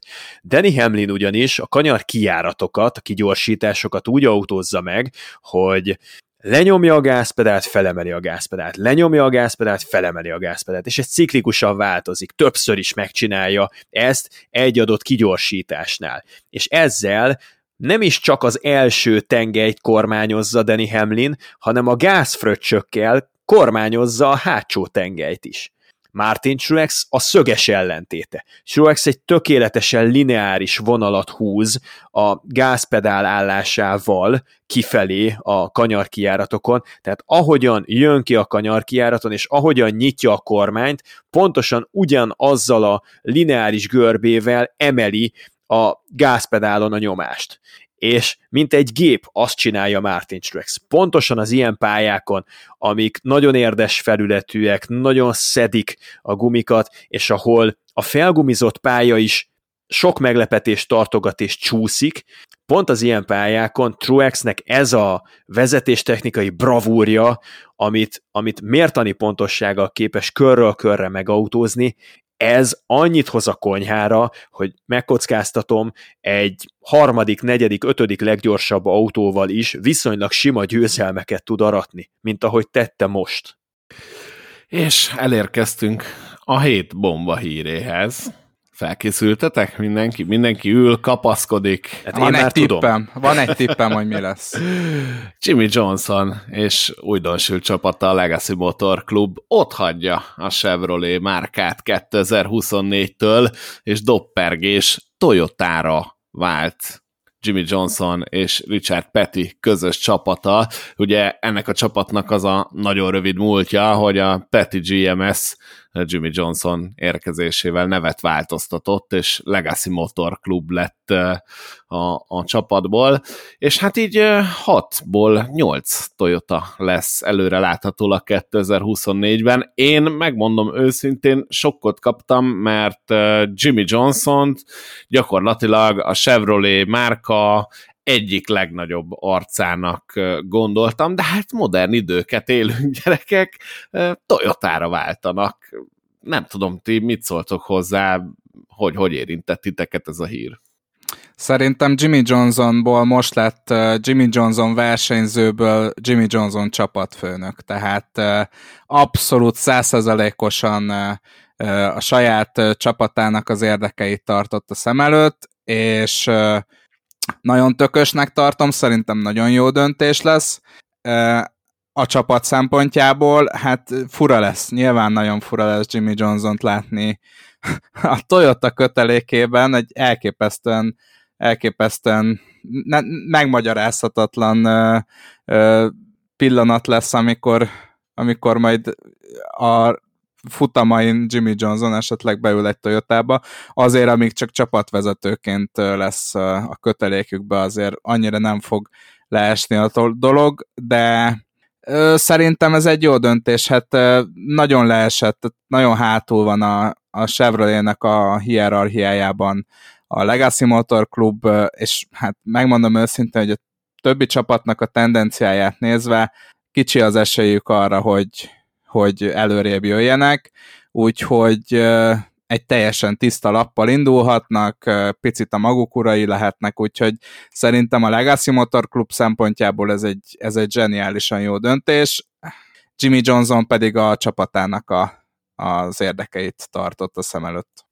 Én is leestem a székről, tegnap este, amikor, amikor az ember csak tényleg random még vet egy-két pillantást egyéb elfoglaltságai között a Twitterre, és akkor jönnek ezek a hírek, Először meg voltam róla győződve, hogy megint annak estünk áldozatául, hogy Elon Musk bevezette a 8 dolláros kék pipát, és emiatt sokan nem fizetnek erre elő, vagy könnyebb egy kicsit megbuherálni a rendszert, és a hamis, fals tweeteket olyan köntösbe ágyazni, ami alapján az ember azt gondolja, hogy az egy hiteles forrás. Tényleg kétszer le kellett ellenőriznem, hogy ez, ez most tényleg az a Bob Pockrass, aki kiírja, és akkor most ezt megerősítik, és mindenhonnan jönnek a, a, a, a, az erősítések, és az ember dörzsöli a szemét, és nem hiszi el. Ha valakiről nem gondoltuk volna, hogy egy Chevrolet pályafutás, egy Chevrolet több mint két évtizedes partnerség után Suzanne átviszi az egész gárdáját a Toyotához, akkor az Jimmy Johnson. De megjegyzem, a GMS Racing és Mori Gallagherék is teljesen idegenek a Toyotától, Richard Pettiről nem is beszélve, aki most már ugyancsak a nagykövet és nem tulajdonos, de azért valamilyen szempontból mégiscsak meghatározza a fazonját ennek az egész mindenségnek, már csak a 43-as szám okán. Úgyhogy én ezt még mindig nem hiszem el. Most már több mint 24 óra eltelt a bejelentés óta, de ez, ez tényleg lehet, hogy begyepesedtünk, vagy, vagy nagyon korlátoltak vagyunk, de de, de tényleg ez, ez még így nincsen előttem, hogy jövőre Eric Jones és Noah Gregson, a Legacy jön, és Toyotákkal lesz szerelve, olyan távlatokat nyit meg ez az egész, hogy, hogy sokkal szorosabbra tudják vonni majd az együttműködést. Super Speedway-en lesz társa Danny Hamlinnek, Baba Valasznak, nem hatan lesznek, akik vagy megtalálják egymást, vagy nem, vagy lemorzsolódnak a végére, vagy nem, hanem ott lesznek nyolcan, az azért erőt mutathat, és ez a két ülés, amit elvesznek a Chevrolet-tól, ez a Chevynek is nagyon fogám fájni. Olyan számkivetettjének tűnt a, a Legacy most az információ áramlásban e, a, a, a Chevys gépezetnek, mert szerintem elég távolra kerültek, így az idei eredményeket látva, elég távolra kerültek az információ forrástól. Hogy aztán mi volt előbb, tudjátok, az, hogy a Legacy távolra került a Chevy gyártól, és ezért sok kézen közön ment át az információ, és hozzájuk már csak a legutolsóként jutott el az információ, emiatt voltak gyengék, és ezért váltottak Toyotára, vagy megneszelte a Chevy, hogy az ernyőből ki fog hullani a Legacy, és emiatt kénytelen volt váltani Jimmy Johnson, mert belenavigálták magukat egy zsákutcába, ezt lehet, hogy soha nem fogjuk megtudni, de minden esetre az egyik legérdekesebb cselekményszál, ami az elmúlt tíz évben a NASCAR-ban kibontakozott. És hogy a bomba híreknek eh, ne legyen itt vége, el kell mondanom még egyet, eh, miszerint George Barry aláírt valakihez, nem tudjuk, hogy kihez, de ugyanannál az ügynökségnél, ha információim pontosak, mint ahol például Kevin Harvick is van. Erről mit tudtok és mit gondoltok? Hát plegyka szinten ott van az, hogy a Stuart House Racing gyakorlatilag már biztosnak mondható, hogy Josh Berry ott lesz a NASCAR Cup Series jövő évi mezőnyében.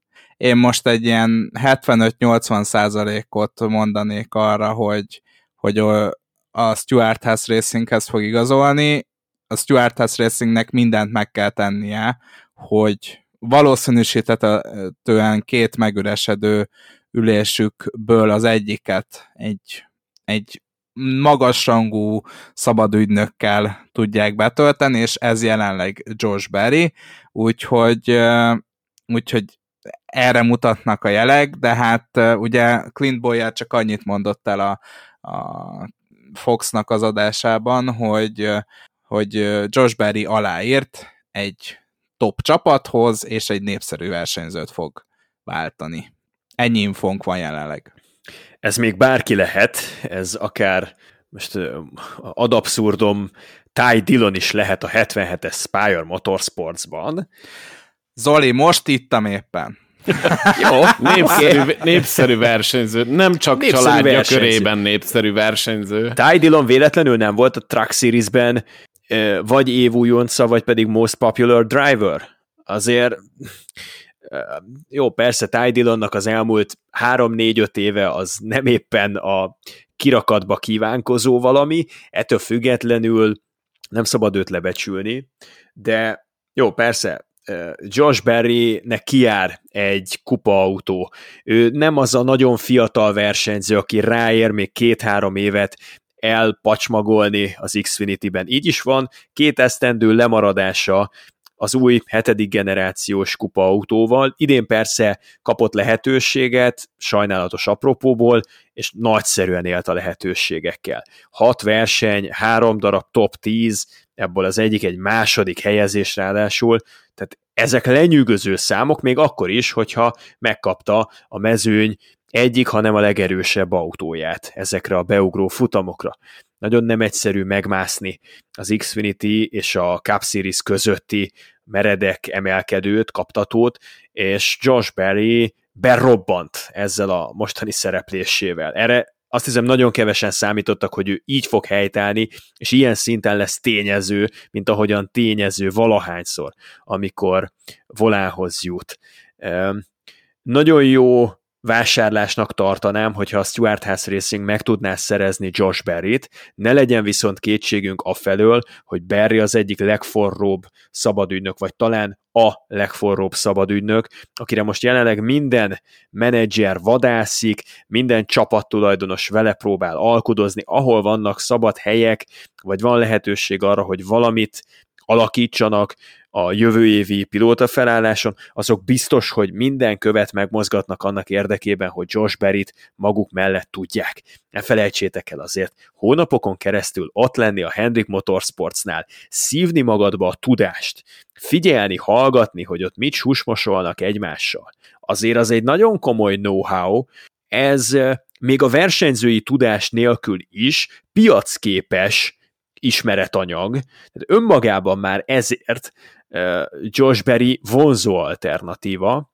Hát ez kiegészülve azzal a lenyűgöző vezetéstechnikai tudással, amivel ő fel van vértezve, azzal a létmodell tapasztalat, és nem egy nyeretlen két évesről, meg nem egy zöldfülűről beszélünk, akiben simán benne ragadhat két-három szezon, amíg nem nagyon tud igazán erős teljesítményt nyújtani. Tehát Berrynek nincsen veszíteni valója, én azt érzem, és nincsen vesztegetni való idő sem, ami rendelkezésére állna. Úgyhogy egy nagyon veszélyes versenyzőnek tartom Josh Berryt, akinek olyan magasra is kifuthat a pályafutása, amit mi még most el sem tudunk képzelni. Muszáj föltennem a kérdést, amit mindenki gondol. A Hendrik Motorsportsban lehet-e helyet csinálni Josh Berrynek, és ha lehet, akkor kit lehet elküldeni. Én szerintem az egyetlen logikus jelölt erre sajnos csak Alex Bowman maradt, tehát én kizártnak tartom, hogy Kyle larson aki ugye amióta Hendriknél van bajnoki címet szerzett, vagy a legnépszerűbb pilótáját a NASCAR-nak Chase Elliotot eltávolítanák, illetve ugye ott van még William Byron, aki hosszú-hosszú évre, évekre aláírt, és betonbiztos szponzori háttere van, az egyetlen idézőjelben mozgathatónak tűnő ember az Alex Bowman, de én nem gondolom, hogy bowman kiraknák a Hendrik Motorsportsból, és szinte biztos vagyok benne, hogy Barry nem itt fog bemutatkozni a Cup Series-ben. Láttok-e arra lehetőséget, hogy valamelyik kisebb Sevis csapathoz igazolt, a ki a Hendriknek a partnere, és majd adott esetben később megérkezhet úgymond a, a legnagyobb csapathoz, vagy, vagy most már bizonyított az, hogy Barry más márkákat, vagy más csapatokat talált. Mindenki nyugodjon meg, Alex Bowman nem megy sehová, éppen tavaly írt alá egy három éves szerződés hosszabbítást 2026 év végéig, biztos, hogy ő fogja vezetni a 48-ast, az Eli pedig 2028 év végéig hosszabbított, és az Eli imádja Alex Bowman. Tehát ha csak az egészségével nincs valami probléma Bowmannek, amiről mi nem tudunk, és, és a kommunikáció se olyan, hogy, hogy aggódni kellene, akkor Bowman kirobbanthatatlan ebből az ülésből. Az pedig, hogy egy kisebb sevis csapat lenne, azért tartom valószínűtlennek, mert ha Barry helyébe képzelitek magatokat, akkor egy kis csapathoz, egy Spire Motorsportshoz, egy, nem is tudom, mert a JTG Doherty-nél nincsen már hely, a, track, a Trackhouse-nál nincsen már hely, mm, most veszítette el két ülést a Sevis brigád azzal, hogy a Legacy átment a Toyotához, tehát nem nagyon vannak már szerintem kiadó helyek a Sevis táboron belül 2024-re, de ha a Spire Motorsportsnak a 77-esét vesszük alapul, hát hülye lenne Josh Berry 2023 májusában elfogadni egy ajánlatot egy nem is sereghajtó, de hát a középmezőnyt alulról súroló csapattól. Inkább kivárhat, hátradőlhet, és ezt, ezt a szerződést, ezt ráér aláírni októberben vagy novemberben, amikor már a többi lehetőségét elpuffogtatta. Tehát én abból, abból hogy Clint Boyer azt mondja, hogy,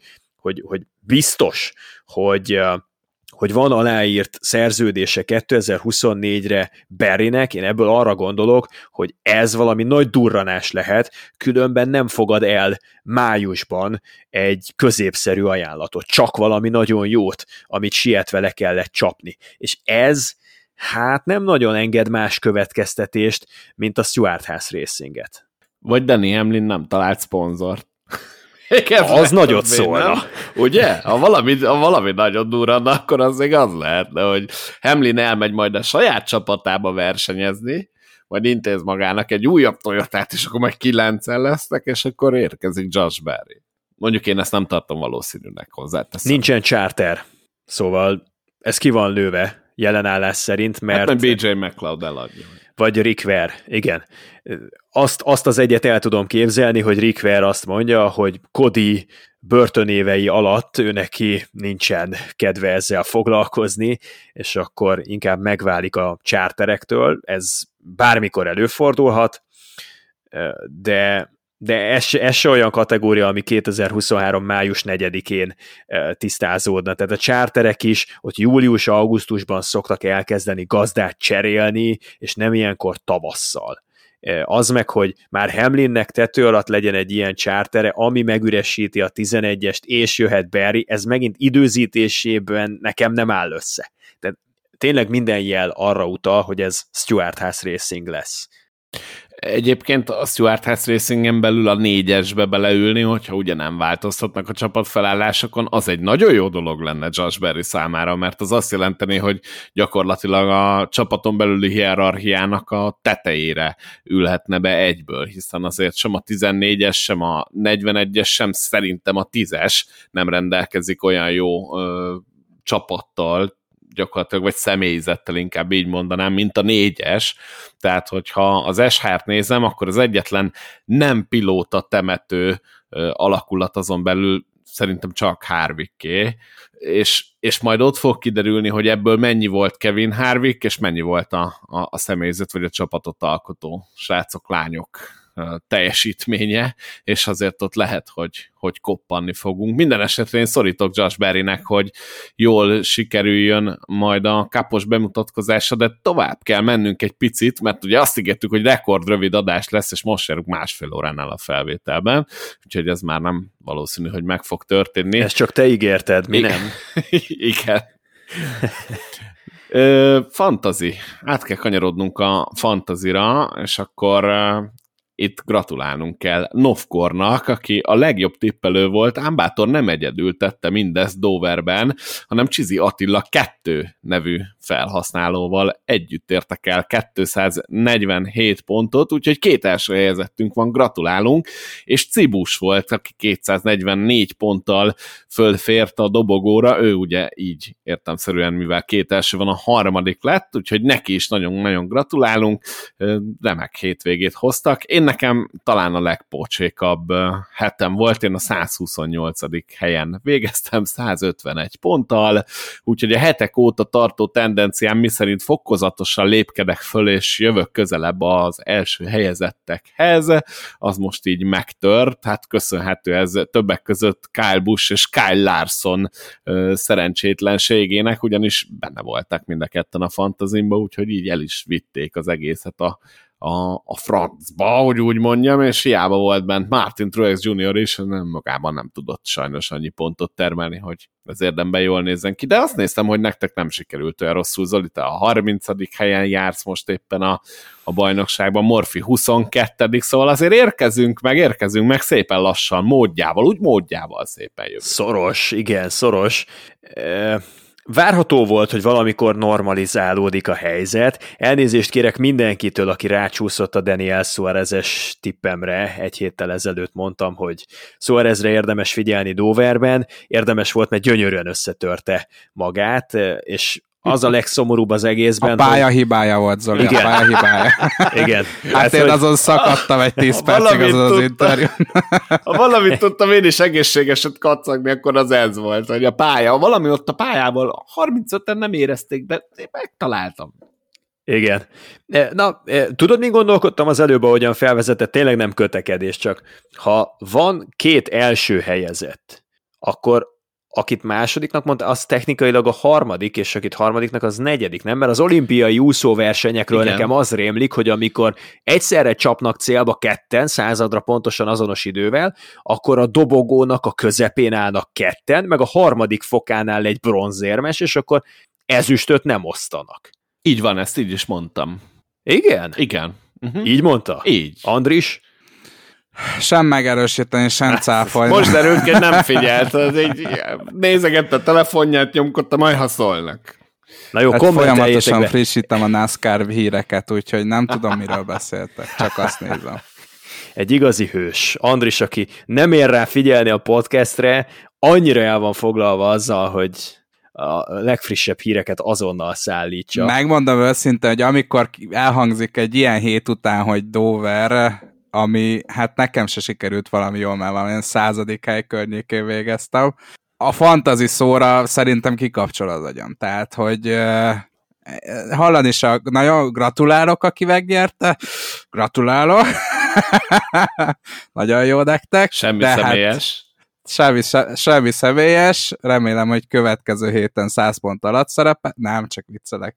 Szóval, hogy eléggé borzalmas hetem volt nekem is, mint neked, Boszkó, de szerencsére Zolinak, Zolinak jó hétvégje volt, úgyhogy amit Taladegára jósoltál, az megérkezett Doverre, Zoli, hogy majd most elindul a felfele de ne tegyünk úgy, mintha nem Molnár Dávid lett volna a legelőkelőbb helyen Így van, záró igen. a podcastből, szóval a távol lévőnek igazolt ő a távol léte. erősen, tehát a legerősebb egész szezonban, mint közülünk, tehát ő azt hiszem most már a jó pár verseny óta ott van a top 10-ben talán a... Á, nem, nem hiszem, hogy a top 10-ben. Ja, mert Taladegában volt egy nagyon már, rossz, tehát Taladegában...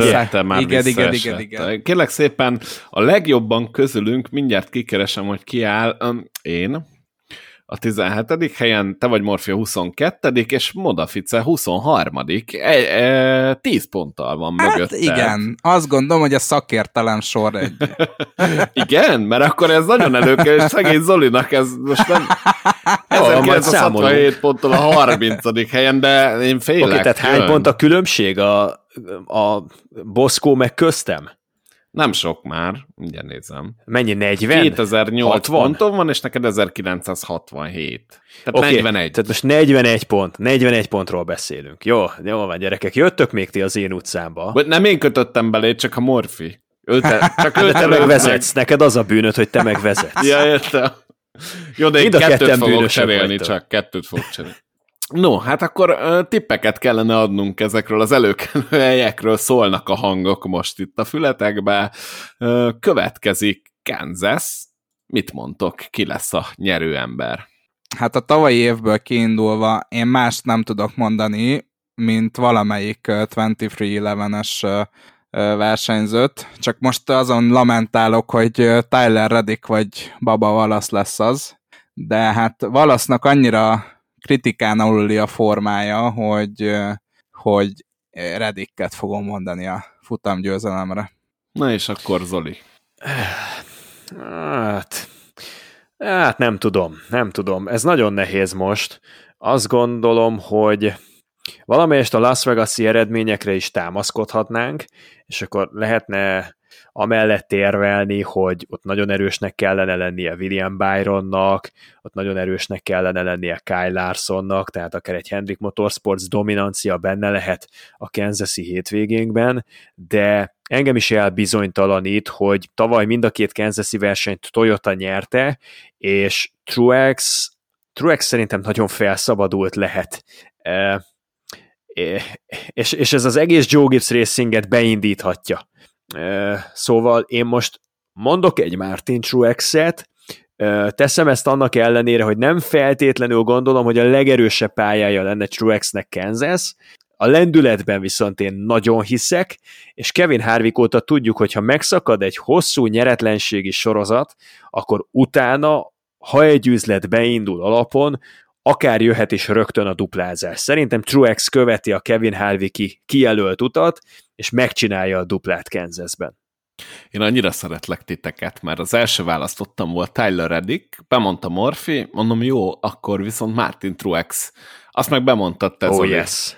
Úgyhogy most... És nincsen harmadik választottad? Hát most így azért nem gondoltam, hogy mind a Tehát kettőt elővitek, meg, megmondom őszintén, nem Tehát gondoltam el. Ilyen felkészületlenül idejönni. Ne haragudj, hát.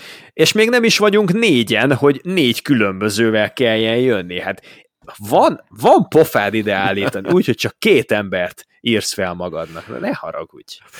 Jaj, most nagyon megnehezítettétek. Most egyszerű kiút lenne természetesen bemondanom William Byron-t, aki egyébként nagyon-nagyon jól szerepelt, uh, ahogy mondod, Vegasban, és szerintem semmi olyan észérv nem szól ellene, amit föl tudnék hozni, úgyhogy ilyen, ilyen széfnek tudnám mondani William Byron-t, akkor te, tegyük fel, hogy ezt moda helyett mondok egy William Byron-t, és akkor az talán egy tuti, és én bedobnék egy Josh Berry-t, mert uh, egész egyszerűen figyelni kell arra, hogy kit hányszor használunk, és Berry szerintem úgy, hogy aláírt szerződése van, szintén egy picit felszabadultabb lehet, és most is befért a top 10-be, úgyhogy ilyen csendesen szállítgathatja a pontokat, gyakorlatilag úgy, hogy nem veszítesz vele, ha beteszed a fantaziba, úgyhogy legyen Barry akkor.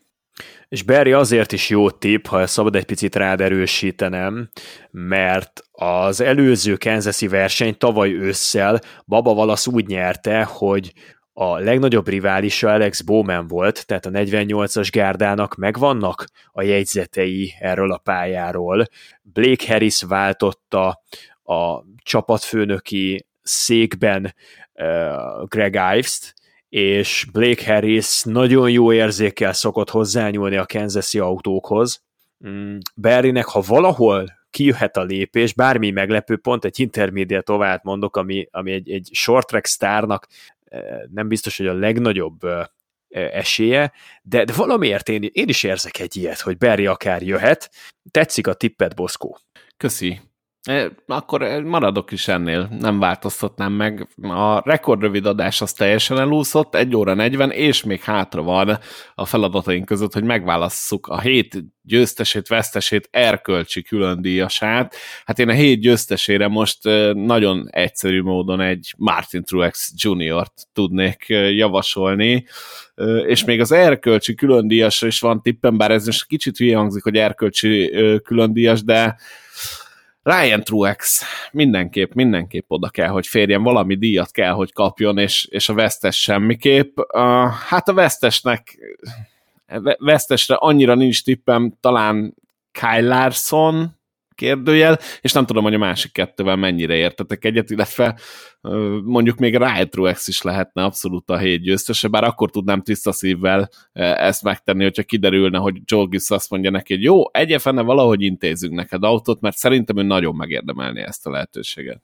Nálam Ryan Truex a hét győztese, az, hogy 188 verseny után sikerül végre valahára diadalmaskodnod, mindezt a hazai pályádon teszed, oké, okay, Martinnak is fontos volt, de azért Martin Truexnek csak van egy futam győzelme idénről egy nem pontszerző versenyről, meg még azon kívül több mint 30 a pályafutása során, ha, ha választani kellene, hogy kinek jelentett többet kettejük közül a győzelem, akkor egyértelmű a választás Ryan Truex, és emiatt szerintem a hét igazi győztese Ryan Truex. Erkölcsi külön díjasra, hét vesztesére én meghallgatnám Andrisnak a javaslatát. Én abszolút tudok jönni a Ryan Truex-el. Szerintem is karrierje szempontjából neki volt ez egy egy fontosabb pillanat. Hát erkölcsit külön díjasra felterjesztem rossz cse... Ne. hát nehéz, nehéz erkölcsi külön díjast választani, mert Jimmy Johnson és a Legacy Motorsport, vagy Motor, Motor Club, akik lehet, hogy megalapozták a jövőjüket. Nincs Hol az erkölcs?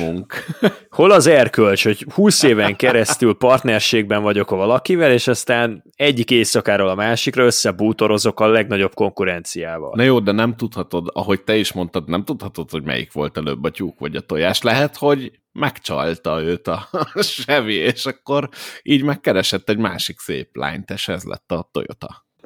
Hát Nincs ez még erkölcsnek mindig kevés, hogy keresett egy másik szép Nincs lányt. Hát nem Szerintem... tudom, milyen erkölcsel élsz, Boszkó, de ez még nekem modern, mindig modern. modern. Szerintem ez a hét, ahol én megtippelni se tudom. Ha van valamelyik ötöknek bármilyen ötlete, akkor akkor megyek vele. Egyébként vesztesnek én is Larson mondanám, mert én nagyon kíváncsi lettem volna, hogy mit tud az az autó. Tehát abban a pillanatban, amikor Ross Chastain ugye kiütötte Brennan Pult, akkor gyakorlatilag Larson hát Chastain pozícióját fenyegette, úgyhogy én biztos vagyok benne, hogy a futam győzelmért mehetett volna Kyle Larson, és gyakorlatilag egy tolvonással Ross Chastain azt mondta, hogy nem, nem, köszi szépen, hogy idejöttél, mehetsz haza. Nekem a hét vesztesére a Stuart House racing jelöltem.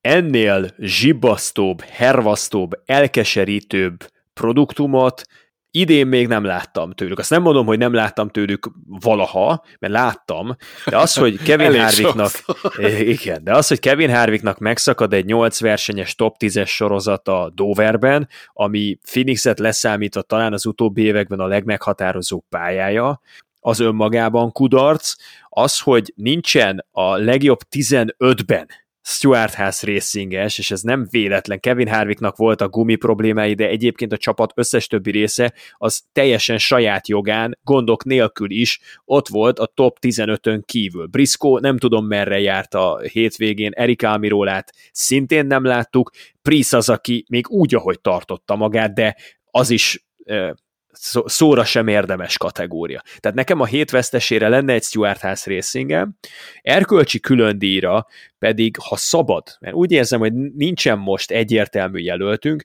én felterjeszteném Corilla Joy-t, és nem feltétlen azért, mert amit a héten művelt, hanem amit eddig ebben a szezonban művelt Corilla Joy. Azok alapján felterjeszteném.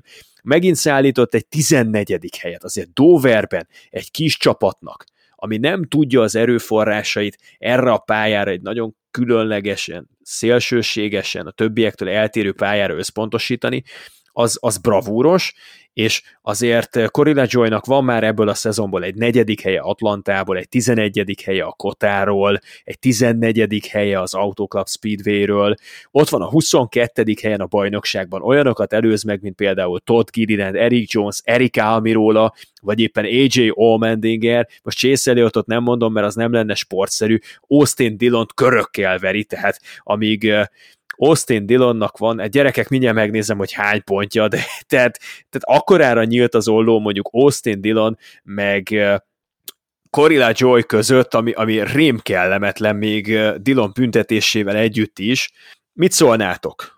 Nem tudom, hogyha már innen közelítünk, akkor én lehet, hogy egy RFK racinget előbb bemondanék erre, mert aktuálisabb a Dover Jó. miatt.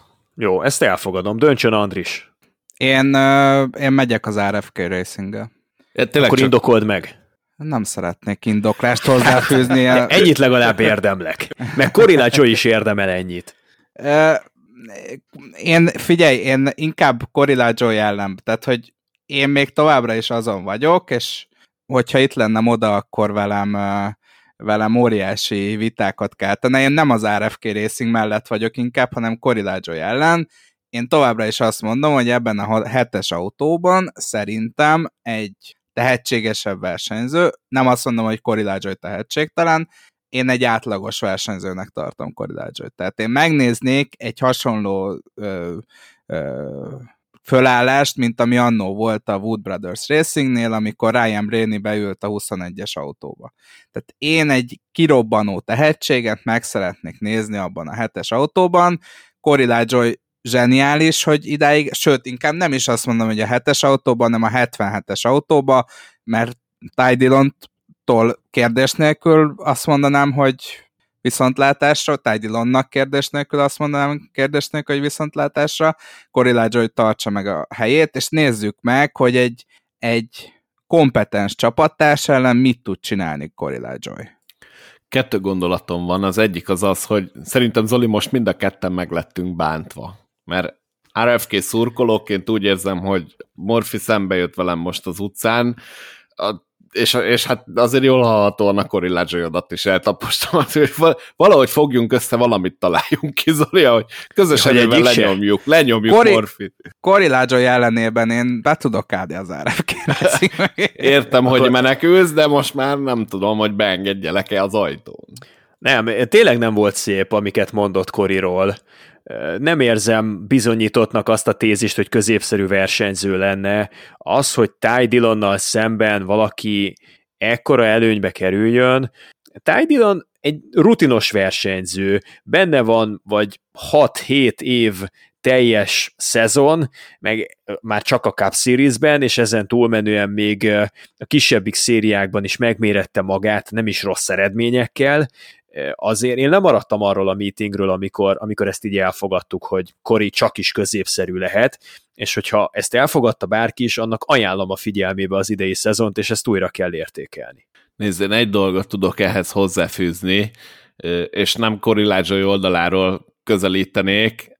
Azt mondanám, hogy Corillaggio a legjobb dolog, ami történhetett, hogy idén Ty Dillon a csapattársa. Tehát, hogy e- ennél jobbat kívánni se kívánhatnál. Mert egész egyszerűen annyira kritikán aluli Ty a teljesítménye, hogy adott esetben, és most mondom még egyszer, nem Corillaggio szemszögéből nézve, de egy erősen közepes versenyző is agyonverné csapaton belül Ty Dillont, és ezért nagyon nehéz megítélni Corillaggio teljesítményét, mert, mert tényleg akkora a kontraszt, de valójában meg, meg mondjuk, hogyha Kevin Harvick ülne a 77-esben, akkor derül neki igazán szerintem, hogy Corillaggio hol, hol áll ezen a skálán. Tény, hogy vannak nagyon-nagyon jó eredményei, és én sem tartom egy rossz versenyzőnek, de szerintem ezt Morfi te sem állítottad. Nem tudjuk, hogy ez a csapat igazából mire képes, mert egész egyszerűen nem tudjuk Corillaggio teljesítményét sem kihez mérni, mert Ty Dillon annyira, de annyira szürke idén, hogy az valami elképesztő. Jól van, Boszkó. Akkor én mondok neked valamit. Egyezzünk meg mi ketten abban, hogy a hét erkölcsi különdíjasa legyen mondjuk Martin Truex Jr.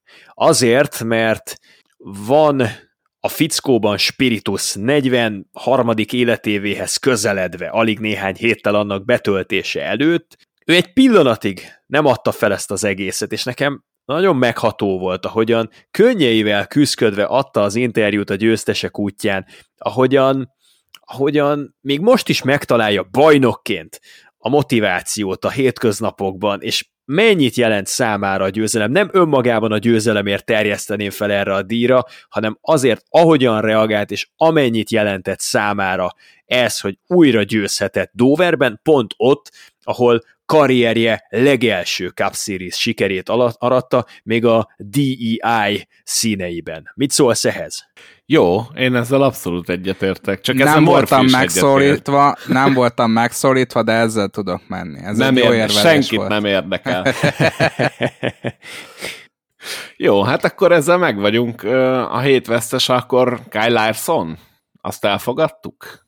Én nem. Jó, de Most én azért, meg a Morfi mert... meg elfogadtuk, ugye? Ja, jó, oké.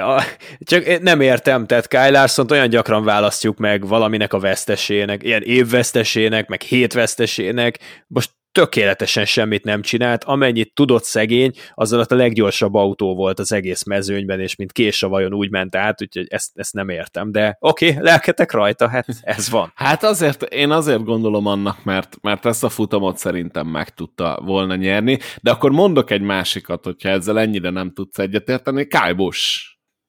Uh, hát jó, oké, okay, végül is. Dünti után bele a közepébe, és ott egyből beszívni, azért az se volt semmi. Vagy, vagy van erre még egy ötletem, most azért így villannak be a dolgok. Hát Joey Logánot tudnám még, aki, aki elképesztően Na de gyerekek, a Stuart House Racing miért nem volt jó? Na jó, mondjuk igen. De a Stuart House Racing tudod? Tehát ahogy a múltkori adásban is beszéltük, hogy a Stuart House Racing csak Stuart House Racing-es dolgokat csinált. Oké, okay, hogy... de hogy Kevin Harvick 8 darab top 10-zel érkezik meg Doverbe, és egy 19. helyjel távozik, az, az se? Ha már Kevin Harvick sem őrzi az őrlángot, akkor nagyon hideg és nagyon sötét verem a Stuart House Racing. Igen, ez, ebben teljesen igazad van, csak ez engem semmilyen szinten nem lepett meg. Ugye amikor múltkor beszélgettünk a Stuart House Racing adott esetben lévő fellendülésről, akkor én ott is elmondtam, hogy én ebben nem hiszek. Tehát, hogy ez a csapat, ez teljesen szét van esve, és egy kicsit féltem is Josh Barry-t, hogyha ide érkezik, de nem tudom, Morfi, most muszáj, hogy vala, valamelyik kötök meggyőzzön, mert ne, nem tudom.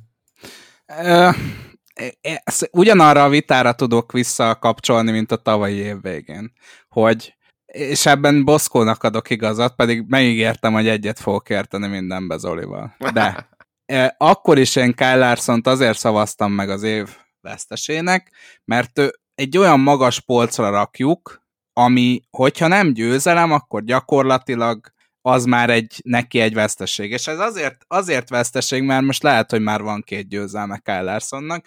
Igen, csak amikor majd a karrierje végén 10-15 év múlva visszatekintünk rá, akkor azt mondjuk, hogy hm, lehet, hogy utolérte volna mondjuk Jeff Gordont, hogyha Ross Chastain nem tesz neki keresztbe. Tehát azért a NASCAR-ba fontosak a pontok, fontosak a pontszerző helyek, tehát lehet úgy versenyezni, mint Ryan Blaney, de, de azért egy Larson kalibernél a végén sokat fognak jelenteni az elszalasztott győzelmek, és a Stuart House, én, Stuart House Racinget, úgy, ahogy Boszkó sem, én nem rakom fel egy olyan, olyan magas polcra, tehát uh, itt nekem annyi vesztes volt, annyi már az elejétől kezdve borzalmas autó, lásd Joey Logano, lásd Chase Briscoe, lásd Kevin Harvick, hogy igazából vesztesnek nem mondanám őket. Kyle Larson, akinek a leggyorsabb autója volt, és gyakorlatilag hát lehet, hogy ő lett volna Martin Truex Jr. legnagyobb kihívója, mert szerintem még Chastain-nél is gyorsabb autója volt, akkor azt én vesztesnek mondanám egy utolsó elkeseredett próbát tennék annak érdekében, hogy ne szerencsétlen Kyle larson válasszuk már meg a hét vesztesének, mert tényleg nem tehetett róla, és lehet, hogy megnyerte volna a versenyt, hogyha nincsen Chastain meg Brandon Poole, akkor egy Daniel Suarezhez mit szólt? Ezt akartam mondani, most Jó, tehát, mondom. hogy oké, okay, köszi. Tehát arról van szó, hogy Ross Chastain átveszi a vezetést a bajnoki összetetben, Daniel Suarez pedig teljesen elássa magát, és amikor amikor úgy tűnik, hogy senki más nem észlel pályahibát az egész hétvégén, akkor Suarez értetlenül nyilatkozik a Foxnak, és esküdözik, hogy ez csak valami pályahiba lehetett, mert ő semmit nem érzett abból, hogy az autó bármiféle erő, előrejelzést adna, vagy figyelmeztetést adna, és annyira hirtelen történt minden.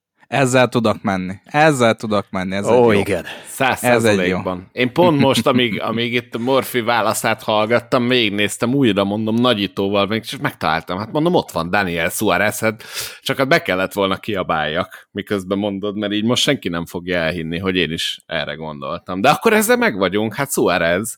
Bár azt hiszem, most nem tudom, hogy csak a fejembe volt, amikor mondtad Suarez-t, vagy ki is mondtam a múlt héten, hogy állandóan ezek a blödzi hibák, tehát amikor van egy jó autója, megérkezik egy olyan pályára, ami erős, és mindig, valami vele mindig történik, és ezt már nagyon sokszor elmondtam a podcastunk során, hogy én őt ezért nem tudom egy, egy magas polcra rakni, vagy mondjuk Chastain egyáltalán közelébe rakni, mert, mert mindig elkövet egy-egy ilyet, és hát most, most sem tévedtem. Ha kimondtam, azt hiszem igen. És ő az, akire szemmel láthatóan elég rossz hatást gyakorolt, hogy meghosszabbították a szerződését, mert amióta ez megtörtént, azóta bennem semmilyen nyomot nem hagyott, vagy legalábbis pozitív kicsengést nem hagyott Daniel Suarez egyik hétvégén sem.